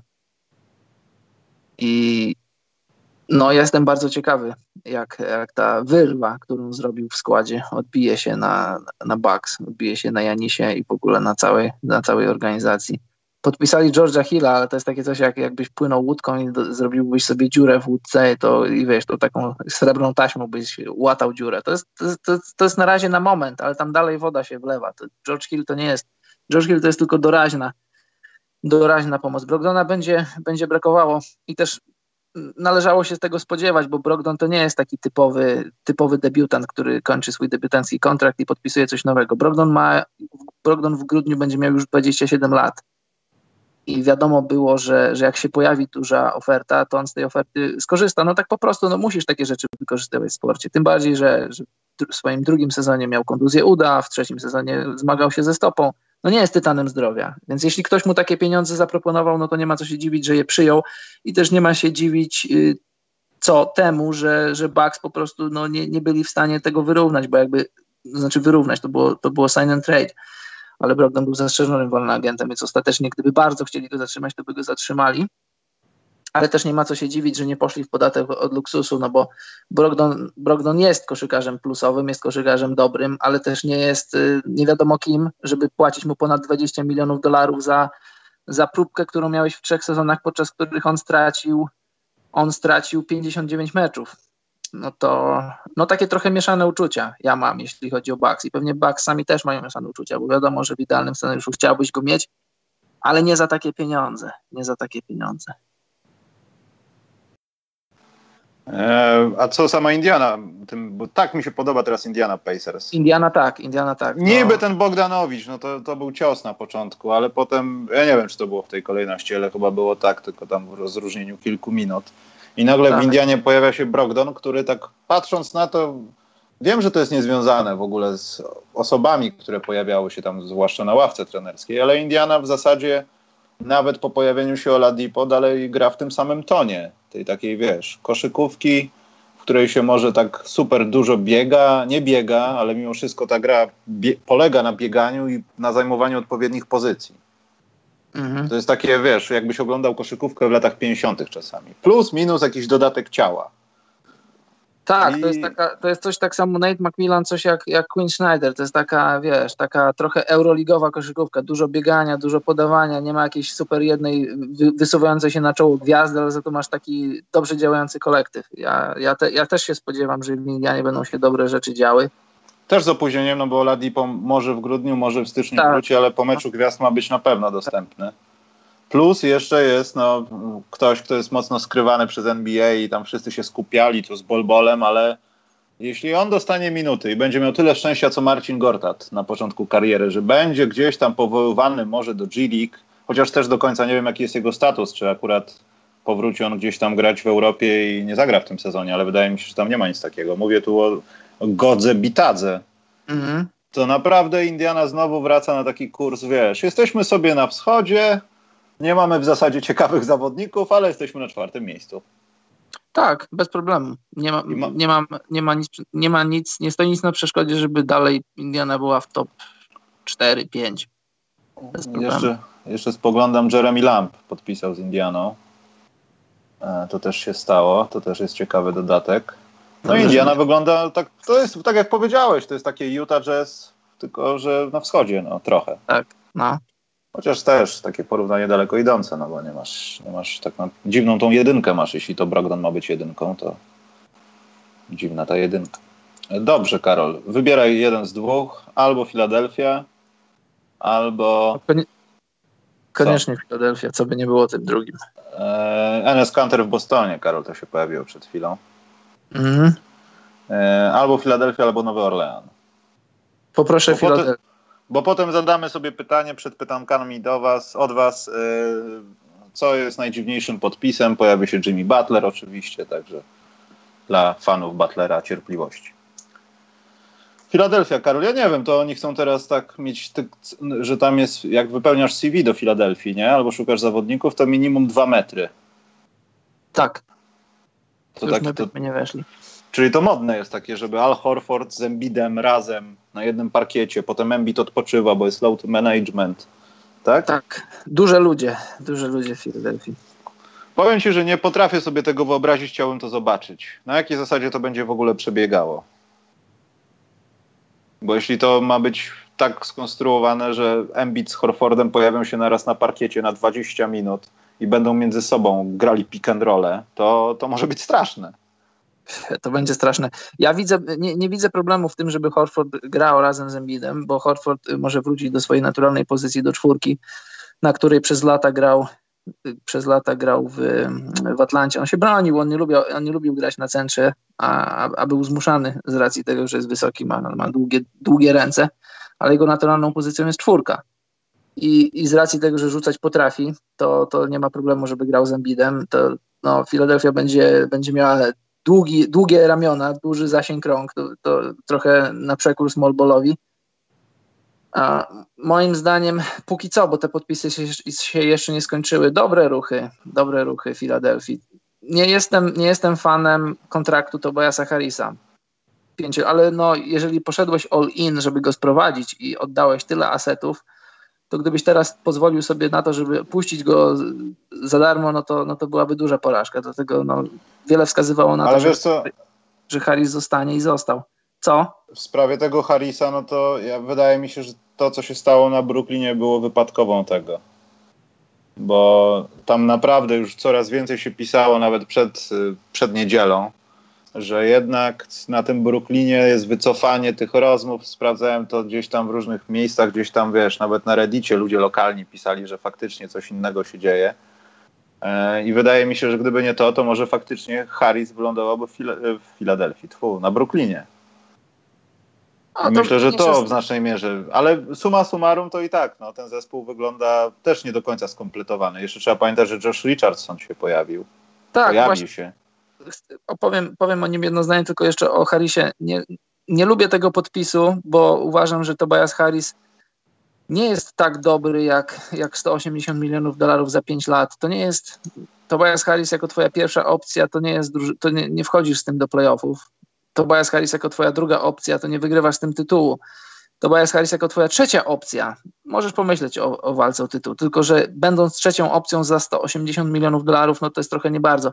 Wiemy też, mówiliśmy o tym, że, że drużyny trochę padają ofiarą te, tego nowego CBA, bo E, teoretycznie 30 drużyn ma, może dać Supermaxa, no ale wszyscy wiemy, że 30 zawodników nie jest wartych Supermaxa. Supermaxa jest wartych może 10, może 15. Tobias Harris nie jest jedną z tych, z tych postaci. Tobias Harris jest beneficjentem tego, że trochę pograł w, w Pistons, kiedy oni byli w takim trochę zawirowaniu i tam sobie rzucał po 20 punktów. Później poszedł do Clippersów, gdzie było trochę podobnie. Moim zdaniem, moim zdaniem już widzimy, już widzieliśmy max możliwości Tobiasa Harrisa. On ma 26 lat i ja nie sądzę, nie wydaje mi się, żeby on koszykarsko jako koszykarz mógł być lepszy. Będzie, będzie bardziej doświadczony, będzie bardziej rozumiał grę, ale to co, to, co pokazał, to, co przyniósł do stołu, to już jest jego pakiet. On więcej nic nie pokaże. I to tu mogę mieć mały z tym problem. To są duże pieniądze. To, że Tobias Harris jest w Filadelfii, to nie ma z tym problemu, bo, no bo generalnie koszykarzem jest niezłym, całkiem niezłym, ale zarabia bardzo gwiazdorskie pieniądze, a, a a to mi się trochę nie podoba. A jeśli chodzi o samo odejście Jimmy'ego Butlera i przyjście Josha, Josha Richardsona, super mi się to podoba. No bo nie mogłeś mieć dwóch, nie mogłeś mieć ani Harrisa, ani, znaczy jednocześnie, nie mogłeś i podpisać i Jimmy'ego i, i, i, tego, i, i, i Tobiasa Harrisa na, na tak dużych pieniądzach, no bo to, to by cię zjadło, to by cię zniszczyło. Znaczy, wiesz co, myślę, że, y, że Philadelphia była o te dwa odbicia piłki od być może wyeliminowania Raptors i kto wie, może i niezłego powalczenia z Milwaukee, może wygrania z nimi, a ostatecznie może zdobycia tytułu. Philadelphia była tylko jedną drużyną, która, która zmusiła Raptors do grania siedmiu meczów, więc wiesz, ta historia mogła pójść trochę inaczej, więc myślę, że w alternatywnej rzeczywistości, gdyby to Philadelphia była broniącą tytułu drużyną, to może by tam ktoś chciał głębiej sięgnąć do kieszeni. No ale jest jak jest i na Jimmy'ego Butlera nie było pieniędzy, ale to co przyszło, Josh Richardson, bardzo mi się podoba to jest, to, to jest taka moim zdaniem taka trochę młodsza wersja Jimmy'ego Butlera. Jakbyś wrócił do tych późnych czasów Chicago, takich jak był na przełomie bycia zawodnikiem dobrym, wchodzącym już na ten poziom taki ocierający się All-Star, to Josh Richardson jest taką trochę drugą wersją Jimmy'ego Butlera, taki głodny. Y, Jimmy Butler już nie jest taki głodny w obronie, jak kiedyś był, a, a, a Josh Richardson nadal taki jest. Może wiesz, może będzie szedł tym, tym, tym tropem, będzie się w taki sposób chciał rozwijać jak, jak Jimmy Butler, ale bardzo mi się to podoba że za stosunkowo niewielkie pieniądze, póki co nadal, mają zawodnika, który będzie mógł wejść w buty Jimmy'ego Butlera. Koszykarsko. Hmm. Tak mieliśmy o tym na końcu może porozmawiać, ale tak zahaczę o tego Jimmy'ego Butlera. Hmm. Duży kontrakt. Wydaje mi się, że to już chyba jest w 100% przesądzone, że ten kontrakt nie zostanie zamknięty w Miami. Nie sądzę, żeby Butler został gdziekolwiek na, na tak długo jak w Chicago. Ale trochę nie pasuje mi do tego, y, bo to, są, to się wydają trochę łatwe pieniądze. Ja wiem, że wizja grania z Justicem Winslowem w jednej drużynie i nawet z Bamem Adebayo i jeszcze może wierzę trochę w tego debiutanta Tylera Herro, ale to też jest długa droga przed nim. To nie pasuje do Butlera. Wydawało mi się, że Butler będzie chciał stawiać się w takiej okoliczności, że jestem tu i teraz, a drużyna w Miami, no nie wiem, czy z nim może, może być uważana za taką, wiesz, bardzo solidną e, ekipę, która bardziej od niej się spodziewasz górnej czwórki, czy tam, nie wiem, większej połówki przed playoffami niż walczeniem o playoffy. I to takie jest, nie wiem, za spokojne jak na Butlera. Nie pasuje mi to do siebie kompletnie. No, ja też byłem zaskoczony tym, że, że Jimmy Butler taki wybrał kierunek, jaki wybrał, no bo łączony był z drużynami, które gdyby go pozyskały, to mogłyby spokojnie myśleć o, o próbie nawiązania walki o tytuł. No, z Miami Jimmy Butler po tytuł nie sięgnie w przyszłym roku. Tego jestem niemal pewny, tak mi się wydaje.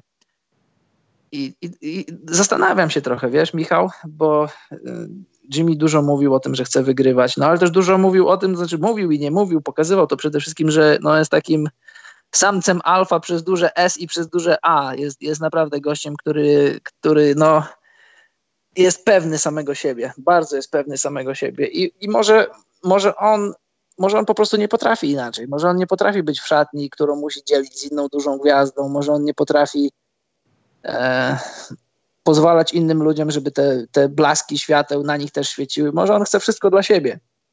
Podobno bardzo go uwiodło to, w jaki sposób y, Miami pożegnało Dwayna Wade'a, to w jaki sposób oni go fetowali, to w jaki sposób oni go żegnali. I podobno Jimmy Butler też chciałby tak, tak schodzić z parkietu po raz ostatni. A dla mnie Jimmy Butler to jest, ta, to jest postać taka trochę zagadkowa. Taki człowiek, człowiek, e, człowiek zagadka, człowiek, człowiek o wielu znaku, znakach zapytania. Postać interesująca jak najbardziej. Koszykarstwo. Znaczy wiesz co, no? się, nie wiem, ktoś musiał mu przemówić gdzieś do rozsądku, nie chcę nazwać tego rozsądkiem, ale do jakiegoś takiego wykreowania wizji tego, co cię może spotkać w tym klubie. Tak. tak patrząc na to, patrząc na to, jak wygląda sztab trenerski i tak dalej, to też może jest zaryzykowne, że to Miami będzie nigdzie, bo to Miami zawsze, wszystko jedno, czy z Wade'em, czy nie z Wade'em kończącym karierę, to zawsze była taka jedna z tych nieoczekiwanych ekip, wiesz, niewygodnych, tu nagle zacznie grać ktoś, Richardson, jakiś ktoś inny, tu nagle Bam ma dobry mecz, nagle Whiteside się obudzi, Winslow zrobi coś potrzebnego. I tak nie wiem, czy to pojawienie się Butlera to właśnie nie jest też taki ruch, żeby tą naszą taką, no powiedzmy to bezgwiazdorską codzienność złączyć w jedną taką całość, która by w jakiś sposób działała jak Indiana trochę. Każdy ma swój cel, nikt na nas, wiesz, nie liczy, nie jesteśmy kontenderem, ale mimo wszystko to, jak to się mówi brzydko, to wam nas ramę do miski, jak będziemy grali w playoffach. No, Miami, masz rację, Miami nigdy nie można skreślać. Ja mówię, że tytułu nie zdobędą, no bo raczej go nie zdobędą, ale nie można nie, można nie doceniać Pata i jego, jego zdolności. No, sam, sam fakt sprowadzenia Jimmy'ego w sytuacji, w której finansowo hit mieli związane ręce, że udało mu się namówić, namówić na sign and trade, to jest duży sukces. I w ogóle, no wiesz, te wszystkie socjotechniki, brylantynowa, brylan, brylantynowego pata są legendarne, że, że czasem mówi się, że Pat mówi do wolnych agentów, po prostu dajcie mi możliwość spotkać się z tym gościem, dajcie mi możliwość pogadać z nimi i często to się udaje. I tak było w tym przypadku. Ja, ja nie, nie wątpię, że w Miami mogą się dziać dobre rzeczy i nie wątpię, że, że Miami nawet może zrobić playoffy w przyszłym roku. Z tytułu nie wierzę, że zdobędą tytuł, ale kto wie, co się będzie działo w roku kolejnym. Być może to właśnie Relay sprzedał Jimiemu. Zagrasz u nas jeden rok, spokojnie, y, zadomowisz się w mieście, zadomowisz się w klubie, obiecuję ci, że następnego roku już będziemy, zrobimy wszystko, co w naszej mocy, żeby ci kogoś sprowadzić. Może tak to wyglądało. E, Karol, ostatnia ekipa, o której tak ogólnie pogadamy bo potem ja, nie wiem, wymienię ze dwa, trzy podpisy, które mi się podobają, takie kompletnie niehurtowe, bo tutaj też mamy taką hurtowość, wiesz, te Filadelfia, Indiany. Orlando Magic zdecydowało się dać pieniążki Wucewiczowi, dali też mhm. pieniąż, pieniążki Rosowi. Nie jestem w ogóle fanem dawania jakichkolwiek pieniędzy Rosowi. I dali pieniążki też, Boże, zapomniałem, a nie mam listy przed sobą. Boże, Amino dostał chyba pieniążki. Tak, Alfa Amino, tak. Dokładnie. To coś da Orlando? Bo ja właśnie nie wiem, czy to cokolwiek zmieni. Ja wiem o tym, że pozostawienie tych zawodników to już jest zmiana sama w sobie, zwłaszcza tego jednego. Ale czy to, to tak naprawdę coś, Karol, zmieni? No to, co powiedziałeś. Samo ich pozostawieniem, Orlando po latach, jeśli Orlando nie chce być drużyną, która wchodzi do playoffów raz na dekadę, to to są ruchy, które musiały być wykonane. Zrobili playoffy, poszli za ciosem, zatrzymali skład, E, co do Wucewicza, moim zdaniem nie ma problemu. 100 milionów 4 lata, no tyle się płaci za centrów. To jest center, który ci robi double-double, 20 punktów, 12 zbiórek, prawie 4 asysty w zeszłym roku. W ostatnich latach dołożył trójkę. E, no to, to, jest, to jest center na skalę naszych możliwości, to jest center naszych czasów. Ma swoje minusy, ale tak jak każdy ma swoje minusy. Może wiesz, może trochę e, Mark Gasol wyleczył go z koszykówki w ostatnich playoffach, ale tak na przekroju, w przekroju całego sezonu to, to Wucewicz zagrał dobry sezon i to, te pieniądze jak najbardziej mu się należały. Cytując klasyka. Co do Wucewicza nie mam problemu. E, co do, co do Terensa Rosa, wiesz... Wina. Mhm. Przerwałem ci, Karol, bestialsko, żebyś nie mówił w próżnię. Przepraszam, dziękuję. No, no to tyle. Jeśli, jeśli przez 4 lata będzie grał tak jak grał w tym ostatnim sezonie, no to pieniądze być może delikatnie, być może delikatnie za duże, no ale to no, rynek wyznacza wartość zawodnika, a nie wartość wyznacza cenę. Co do Alfa Ruka Aminu, jak dla mnie super podpis. 3 lata, 3 lata za 29 milionów, niecała dyszka dla skrzydłowego. Trzeci rok jest opcją zawodnika. Y, spokojny gość w szatni, nie robiący problemów, gość, który potrafi rozciągnąć grę, rzucić za trzy punkty, obronić. Dobry podpis jak dla mnie. Generalnie w skali wszystkich ruchów, które, które zrobili Magic, jak na, jak na ten klub, moim zdaniem dobrze, dobry ruch. Jest, jest, po raz pierwszy od, od ładnych paru lat w Orlando jest jakaś taka pewna stała, pewna, pewna kultura, która się tam tworzy. Pod Cliffordem, pod, pod y, zarządem, że, że drużyna weszła do playoffów i nie rozwaliła tego wszystkiego, tylko idzie za ciosem. Zamiast rozbić, rozbić drużynę, to ją utrzymała. Okej, okay, jak dla mnie.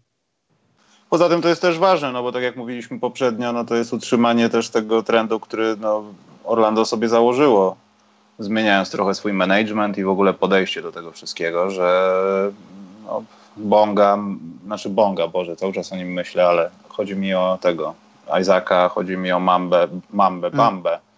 Chodzi mi, Mamba, o, Bamba, może być Mamba. chodzi mi o rozwój Gordona. To jest też ważne, żeby oni zostali w tym składzie, a nie tak. uczeni złymi przykładami zaczęli coś tam kombinować. E, słuchajcie, padło, ale to nie z naszej winy. Coś po prostu się ścięło na YouTubie i jak gdyby widziałem to, że jesteśmy jak gdyby w jakiejś próżni, więc mój internet jeszcze działa, widzę, że się ostro zachmurzyło przed oknem, także może dotrwamy do końca. Przez moment byliśmy tam, gdzie Charlotte Hornets są.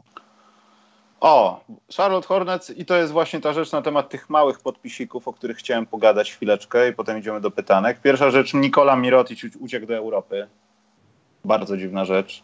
Druga rzecz, kolejny inny z Europy wpadł do drużyny, która chyba będzie jedną z moich ulubionych ekip, do Nowego Orleanu. Bo tam też jest JJ Reddick. To wygląda szalon, w szalony sposób. Czasami, momentami może to wyglądać w bez sensu sposób jakiś złożenia drużyny, ale mimo wszystko ta drużyna będzie tak dobra, tak będzie mi się podobała, że ja dekielki to sobie zakładam do wszystkiego, nie tylko do zegarka. Szczerze mówiąc, Karol, jestem podjarany tym trochę. No, mi też się podoba to, to, co, to co Griffin tam gotuje. Też mi się e, W Charlotte nie podoba mi się to, że Terry Rozier e, skusił się, żeby pójść gdziekolwiek. Czemu? Dobrze zrobił. Ale to nie było w związku z wymianą? Tam nie było żadnej wymiany, to był podpis po prostu. To było sign and trade i najprawdopodobniej to będzie, wiesz... Część wymiany. Prawdopodobnie tak będzie, bo, no bo mhm. na wolnym rynku Hornets nie mieli pieniędzy, więc zapewne poszli sobie, wiesz, obie, oba kluby poszły sobie na rękę. I bardzo mi się podoba Derrick Rose w Detroit. E, nie podoba mi się tylko jedna rzecz w Rose i to może być taka zależność, na której opierało swoją działalność NBA przez, nie wiem, kilka ładnych lat w latach 50., 60. To jest to, co mówię, taki trochę draft terytorialny, że Derrick Rose dobrze gra w swoim otoczeniu. Żeby to było niedaleko jeziora Michigan,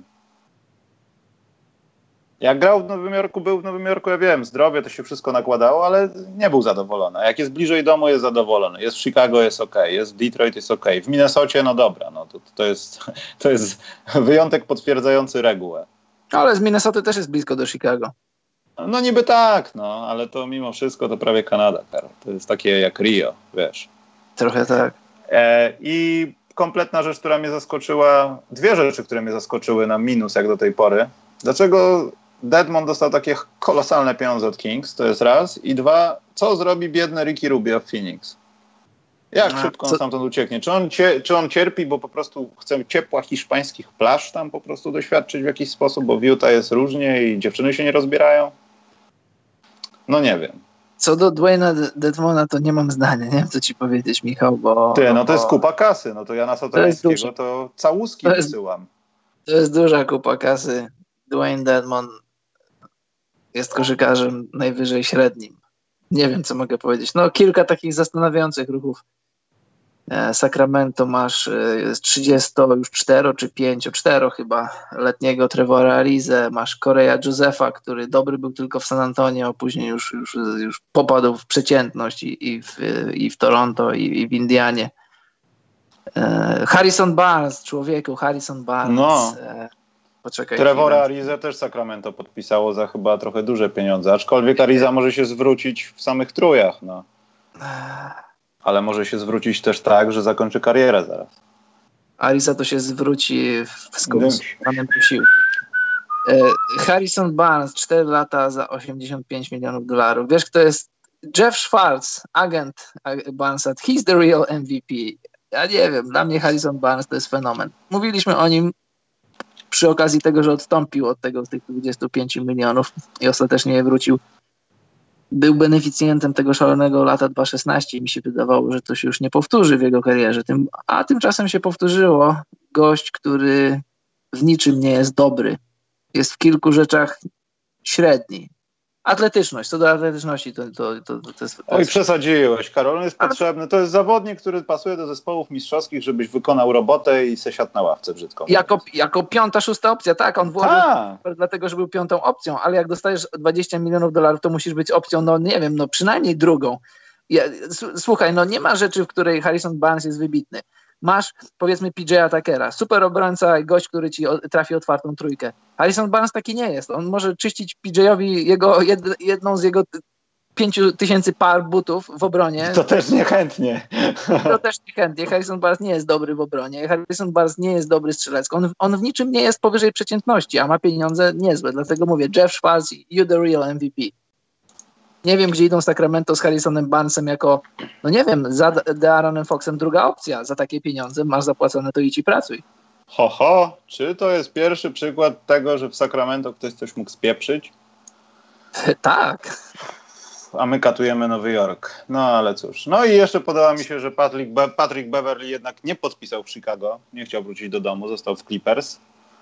I nie wiem, co jeszcze mi się podobało. Chyba nic z tych mniejszych rzeczy. Oczywiście Ed Davis, no 5 milionów rocznie w Utah, no to to jest, to jest kradzież, bo on się na pewno przyda, jeśli będzie zdrowy. No i jeszcze moje serduszko, takie wiesz, jak masz na Instagramie czy coś, trafia do San Antonio i do zawodnika, który powinien od zawsze tam grać, bo zawsze tam pasował, Demar Carroll. O tak. On po prostu reprezentuje, gdyby Popowicz na przykład nikt nie znał Spurs gdzieś w Indiach, to Demar Karol idzie jako wizytówka. Zobaczcie, tak gramy właśnie jak on. Bardzo mi się to no, podoba, naprawdę, że, bez szydery. No, tylko że problem Karola, mojego imiennika, jest taki, że, e, że to już nie jest ten Karol z Atlanty, ten taki pies łańcuchowy, który potrafi usiąść na, na najlepszych trójkach, czy czasem nawet czwórkach. To jest, to, czy to jest problem? No generalnie to nie jest aż taki wielki problem, tylko że on już jest poza swoim prime'em, Karol. On ci, on ci walnie trójkę, on ci obroni, ale to już, to już nie jest to, co kiedyś. To chyba powiedzmy tam 3-4 lata temu. No, no poza tym oni liczą, dalej myślą, że, znaczy myślą, Demar DeRozan dalej jest wkurzony, także wiesz, to... Jasne, wiesz, dodajesz zawodnika, który nie robi problemów, dodajesz zawodnika, który jest doświadczony, no i on coś tam zrobi, coś tam zrobi, tylko że to już jest, to już jest poza tym, co, poza tym, co, co robił kiedyś. Zobacz, pamiętasz, jak on, jak on z Atlanty poszedł do Toronto i on już w Toronto miał kłopoty. Ja pamiętam, jak wtedy akurat byłem w Toronto i jak widziałem wiele razy, jak on trenował, jak się ubierał, przebierał. On zawsze, zawsze miał tak, taką specjalną opaskę i miał otejpowane kolano, bo on przychodząc do Toronto, on przeszedł dosyć poważną operację kolana. Nie pamiętam dokładnie, co tam mu robili, ale on już później po tej operacji nie był tym Karolem e, z Atlanty podpis jak najbardziej spersowski, tak jak mówisz, taki, no, taki niegłupi koszykarz na, na, na pozycję skrzydłowego. No. Z tych kontraktów jeszcze jestem ciekaw, co z tym Mellim, Melli e, tak, tak, wyjdzie, jak będzie ta, to tłumaczenie się z e, Ferenbacze do NBA. Bardzo jestem ciekaw i czy to w ogóle ma jakikolwiek sens, bo to też tak znikąd uderzyło. Wojnarowski tym tak rzucił, jakby, nie wiem, Mirotic wrócił po 10 latach z NBA, więc może jednak ktoś tam wymyślił coś. Ale Nowy Orlean wygląda naprawdę bardzo dobrze. To mi się tak podoba. Ta drużyna będzie kompletnie bez sensu, ale to będzie się świetnie oglądało, naprawdę. Tak. Mi się bardzo podoba. Powiedziałeś, powiedziałeś już, a powtórzę, Patryka Beweleja kontrakt mi się podoba. Bardzo mm. się cieszę, że w końcu ma zapłacone po latach tułaczki, po tych różnych Ukrainach, Grecjach, Rosjach, nawet w G-League się tułał. Musiał udowadniać, co chwilę musiał coś komuś udowadniać. On chyba przez 3 albo 4 lata grał grubo poniżej miliona, grał za jakieś tam 200 tysięcy, 300 tysięcy, aż w końcu przyszedł dzień, kiedy za swoją ciężką pracę został, dostał zapłacone. I bardzo mi się to podoba, bardzo się cieszę, że nie dawał nikomu zniżek, nie, da, nie dał się mamić nikomu jakąś tam wizją grania o jakieś tam tytuły. Nie mówię tam o jakieś tytuły, no trzeba grać o zwycięstwo, ale to, przede wszystkim to jest twoja praca, za którą teraz zbierasz owoce, bardzo mi się to podoba. Okej, okay, to przejdźmy do pytanek, bo to już chyba godzina 20 ponad z przerwą małą przez ścinkę na YouTubie o wolnej agenturze, ale myślę, że to tematu jeszcze nie zabiliśmy. O, na przykład Barea, Karol do Dallas, roczny kontrakcik. E, Będą się działy jeszcze rzeczy, na pewno będziemy. Ja będę starał się zrobić odcinek 99,5 gdzieś w okolicach weekendu i może jeszcze tam zaciągnąć. Zobaczymy, jak z Kacpą to będzie wyglądało. E, natomiast no, setka, setka, tak jak mówiłem wcześniej, no, będzie w okolicach tego 15. E, Karol będzie na pięknej polskiej ziemi, więc będzie sam mhm. kręcił kołem. Więc czekaj, tutaj zrobię pytanka i patrzę przez okno, no Karol, ja nie wiem, czy je dokończymy, bo tutaj idzie jakiś Armagedon. Albo po prostu nadeszła noc. Ale wydaje mi się, że to Armagedon. Mhm. E, pytanka. Tam zaczniemy od pytanka od patrona ostatniego. Maciej Ratajczyk pytał, czy też uważacie, że patrząc na przykładach Riversa i Thibodeau lepiej, lepiej jest, jak trenerzy skupiają się wyłącznie na trenerce, a zarządzanie, transfery i tym podobne zostawiają pracy GM-ów? Czy według Was to już koniec takich fuzji stanowiskowych i taki pomysł umarł definitywnie? Ja myślę, że za dużo było nauczek, żeby on nie zdechł śmiercią naturalną. No jeśli, tak. jesteś, jeśli coś jest od wszystkiego, to jest do niczego. No i to przysłowie sprawia się, sprawdza się wszędzie. Pomijając szwajcarskie scyzoryki, to wszędzie. I zegarki szwajcarskie. I zegar, oczywiście, Karol, chronometraże NBA są najlepsze, pamiętajcie o tym. Ten temat y, zgłębialiśmy, nie pamiętam w którym podcaście, ale w którymś bardzo zgłębialiśmy ten temat. Y, no, bardzo ciężko jest łączyć funkcję GM-a z funkcją trenera, bo jedna i druga praca wymaga od ciebie dużo czasu, dużo skupienia i trochę innego podejścia do, do potencjału ludzkiego, do zasobów ludzkich. Dla GM-a koszykarze to są, to są po prostu pracownicy, którymi musisz czasami żonglować, czy chcesz, czy nie chcesz. Trener z, z racji charakteru tej pracy no, ma bardziej zażyłe relacje. ciężko jest to, to oddzielić.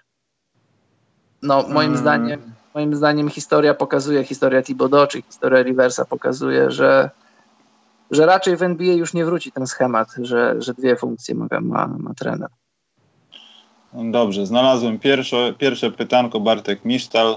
Jak bardzo lubię usprawnić grę Patryka Ewinga dla ubogich, czyli DeAndre Aytona. Pierwszy sezon zakończył się na poziomie double-double. Ja myślę, że główną jego rolą w, tej, w tym zespole to bardziej będzie dostarczanie albo nawet zmienienie zwyczajów koszykarskich Devona Bookera, żeby dostarczać jemu piłkę i żeby on był na pozycjach po prostu spot-up shooting i to wszystko, żeby sam się nie musiał kreować.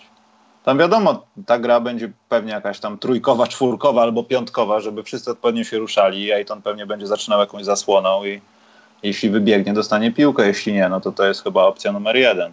I to może też jest sposób na to, żeby, nie wiem, no, z, z, zrobić Phoenix drużynę, która gra według prawideł koszykówki, a nie prawideł PlayStation. Pobiegnij, daj wsad, rzuć za trzy, nie podawaj, obraź się.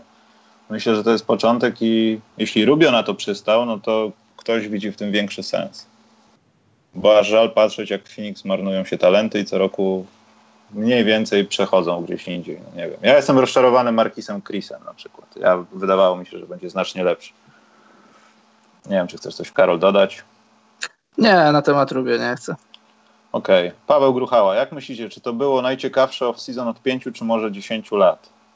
Myślę, że każde jest takie samo, mniej więcej ciekawe. Zwłaszcza, że te kontrakty niejednokrotnie, mimo że są czteroletnie czy pięcioletnie, to i tak po dwóch latach e, ktoś kogoś chce wymienić, ktoś co, kogoś chce oddać i ja wiem, że podpisywanie może jest takie bardziej konkretne, no ale w off-seasonie te wymiany, teraz będą się ludzie wymieniali, no bo w tym albo w przyszłym roku, no bo te kontrakty są jak gdyby już podpisane. Ale wydaje mi się, że chyba nie. Za dwa lata będzie ciekawie. To już będzie dopiero ciekawie. Ja bym powiedział, że, że jeśli chodzi o pierwszy dzień otwarcie okna transferowego, no to tak, to na pewno to było najlepsze otwarcie w ostatnich latach. Tyle, tyle nazwisk, tyle topowych nazwisk. A tak ogólnie, jak się to lato zakończy, no to jeszcze poczekajmy, jeszcze dajmy sobie tych kilka dni, bo jeszcze jest parę nazwisk, no z tym, z tym największym, z Kałajem. Oczywiście, a poza tym teraz będzie wchodziła Liga Letnia na dniach. Może już chyba coś dziś się dzieje, więc to też będzie, będzie czas na to, żeby to połączyć, poobserwować w sensie kto jak się prezentuje, znaleźć sobie nowego Treyanga na przykład do katowania przez cały sezon, żeby potem prawie nagrodę dostał. Amadi Amadi pytał Karol. Według Steina Russell jest w Golden State Warriors po to, żeby nie zostali z niczym pod Jurancie i podobno mają go tradeować. Czy możliwy jest trade do Wolves za Wigginsa? Wszystko możliwy, jest możliwy jest, tylko, tylko dlaczego Warriors mieliby chcieć Wigginsa? Tam już był jeden taki facet, mam z nim zdjęcie, Latrell Sprewell się nazywał i, i nie, chyba już nie chcemy mieć drugiego takiego gościa. Tylko, że Sprewell bronił, a on nie robi tego. Znaczy powiedziałem chcemy, ja nie jestem kibicem Warriors, żeby nie było teraz. E, ja nie wiem, plotki to są plotki. E, no, no nie mam zdania. Raczej nie Dobrze. sądzę, wiesz co, raczej nie sądzę, raczej nie sądzę, że Steve Kerr widzi coś w Wigginsie, czego nikt na ten moment nie widzi i on mówi, słuchajcie, dajcie mi go, a ja zrobię z niego koszykarza. Nie, nie, nie wydaje mi się, że tak jest. A jeżeli do takiej wymiany dojdzie, może dojdzie, nie wiem. No nie mam zdania. No, TWTX się pojawił też z pytaniem, czy Sixers 19-20 osiągną więcej niż Sixers 18-19 i czy to jest koniec procesu, a Filadelfia właśnie będzie tak wyglądać. Czy jest to zespół na mistrza, czy rozdzielamy Bena Simonsa i Joela Embida. Ja myślę, że pozyskanie teraz to, co się stało, żeby dać pieniądze Harrisowi, żeby dać pieniądze Horfordowi, to jest yy, może nie, nie tyle, co ostatni koncert tej dwójki, ale to w końcu może być moment, kiedy nadejdzie decyzja. Bo jeśli Embiid dalej będzie musiał być oszczędzany i dalej cały, cały ten proces dochodzenia do zdrowia albo pozostawienia go w takim punkcie, żeby nie było gorzej, będzie trwał, to w końcu ktoś bez zmrużenia oka będzie w stanie powiedzieć: Słuchaj, Joel, to, jest, to wystarczy. Jesteś najlepszym centrem na świecie, według nas, według ciebie i według Riany, ale mamy Ala Horforda i chcemy coś z powrotem. Bo Ben Simmons, ja jestem pewien, że im to się zwróci. Chyba, że koszykówka się zmieni, już 3-metrowi ludzie, którzy kozłują i są rozgrywającymi, nie będą potrzebni. Zwłaszcza bez rzutu. Nie wiem, czy chcesz coś, Karol, dodać, bo nie słyszę nic. Zgadzam się z tobą, tak, tak. A, to wyjątkowo. Dobrze, Arsz... się zgadzam. No bardzo, no może. Y, Arszawin ma ostatnie pytanie w tym programie. Co myślicie o Miroticiu? Znienawidzą go w Hiszpanii za pójście do Barcelony? Drogi Warszawinie, powiem ci, że jakby mało mnie to obchodzi. Mnie też, nie mieszkam w Hiszpanii, ja tego... Poza ja tym ja nie wiem, czy koszykówka ma takie tłumaczenie, że o, o, bo on w Realu grał. Ja wiem, że u nich może lokalnie tak, ale czy to jest po prostu pójście za odpowiednie pieniądze i też trochę może wyraz takiego, nie chcę powiedzieć tchórzostwa, ale szukania lepszych rozwiązań za mniejszą cenę stresową. Ja będę grał tam, gdzie grałem, mniej więcej ten kraj, ja to wszystko znam, to nie jest NBA, Euroliga, ja gdzieś znajdę, zajdę dalej, a tutaj jest duża konkurencja, 400 zawodników, dwóch w finale, dwa, dwa, dwie drużyny w finale, to dla mnie za dużo jest. Ja chcę dostać porównywalne pieniądze tam, gdzie jest ciepło, dobrze i to jest w Europie. I to chyba wszystko. No, ta, no tak, czy go znienawidzą? Ja nie wiem, ja tego nie czuję, ja w Hiszpanii nie mieszkam. E, jest między Realem a Barceloną święta wojna na poziomie koszykówki też, trochę mniejszym niż piłkarskim. Czy go znienawidzą? Niech go cmokną w jego, jego pupę. Mirotisz ma zapłacone. Chciałeś powiedzieć w jego czarno jeszcze pewnie. czy on ma gdzieś, czy go lubią, czy nie. Y, decyzja trochę zaskakująca, ale jak się przyjrzeć dokładnie, wgryźć w liczby, to Mirotic mógł dostać, tak się, tak się mówiło, około 10 milionów dolarów za sezon na kontrakcie 4 czy 5-letnim. Jeżeli odejmiesz podatki, jeżeli odejmiesz y, o połowę mniej meczów y, w Europie, mniejszą intensywność gry i to, że klub zapłaci za ciebie podatki, to, że podróżujesz w obrębie Europy, a nie całych Stanów Zjednoczonych. Jeżeli pod, weźmiesz pod uwagę to, że mecze grasz rzadziej, to być może mu się to bardziej opłacało. Może nie chciał być taką trzecią opcją, czwartą, a czasami być poza rotacją. W Europie ma status prawdopodobnie gwiazdy i może tego chciał, a finansowo myślę, że głupi nie jest i on i jego agent siedli i sobie to wyliczyli na kalkulatorze i się ostatecznie mogło im to opłacić. Bo no. Na karkuratorze. Na karkuratorze, bo nie wiem, czy wiecie, już mówiliśmy to wiele razy w, w Europie. Kluby płacą podatki za zawodników. Tak sobie to odejmiesz wszystko, plus darmowe mieszkanie, plus samochód, plus nie wiem co jeszcze, bo to są standardy stosowane bardzo, bardzo często w Europie, że na przykład klub ma jakiś deal powiedzmy z jakimś tam Oplem czy kimś i wtedy wszyscy jeżdżą Oplami. I to już ci odchodzi. Dobrze, zamykamy tym pytankiem, Karol, bo to jest ciekawe pytanko.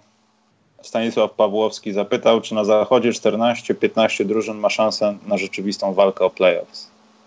No 15 to nie, bo, bo w playoffach Phoenix nie zagra. E, Memphis w playoffach prawdopodobnie nie zagra. 15 to nie, ale powiedzmy. 12?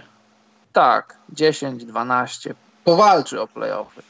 Też no mi się tak tego, wydaje. Z tego składu, z tej ósemki, którą mamy, mieliśmy teraz w playoffach, yy, myślę, że wszyscy wrócą do, do tej walki. No nie wiemy, co Clippersi. Jak kogoś podpiszą, znaczy kogoś. Jak podpiszą Kałaja, to wiadomo. Jak, nie, jak go nie podpiszą, to, to nie sądzę, znając Bolmera, że będzie chciał zatankować. Yy, czy drugi raz się powtórzy ta taka cudowna historia?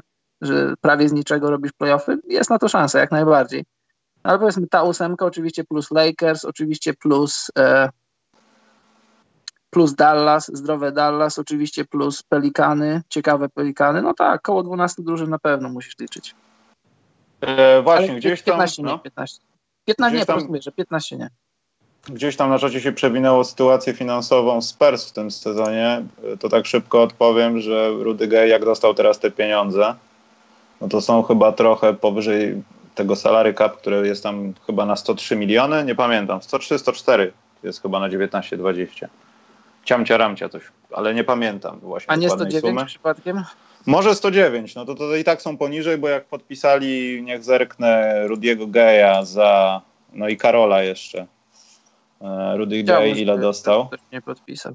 Ile dostał pieniędzy? 2 na 32, więc to jest Rudy Gay dostał y, dwa razy po 16, 32, tak, 2 na 32. No i to jest 16, do tego dodajmy Karola, to jest 7,5, no to jest 18.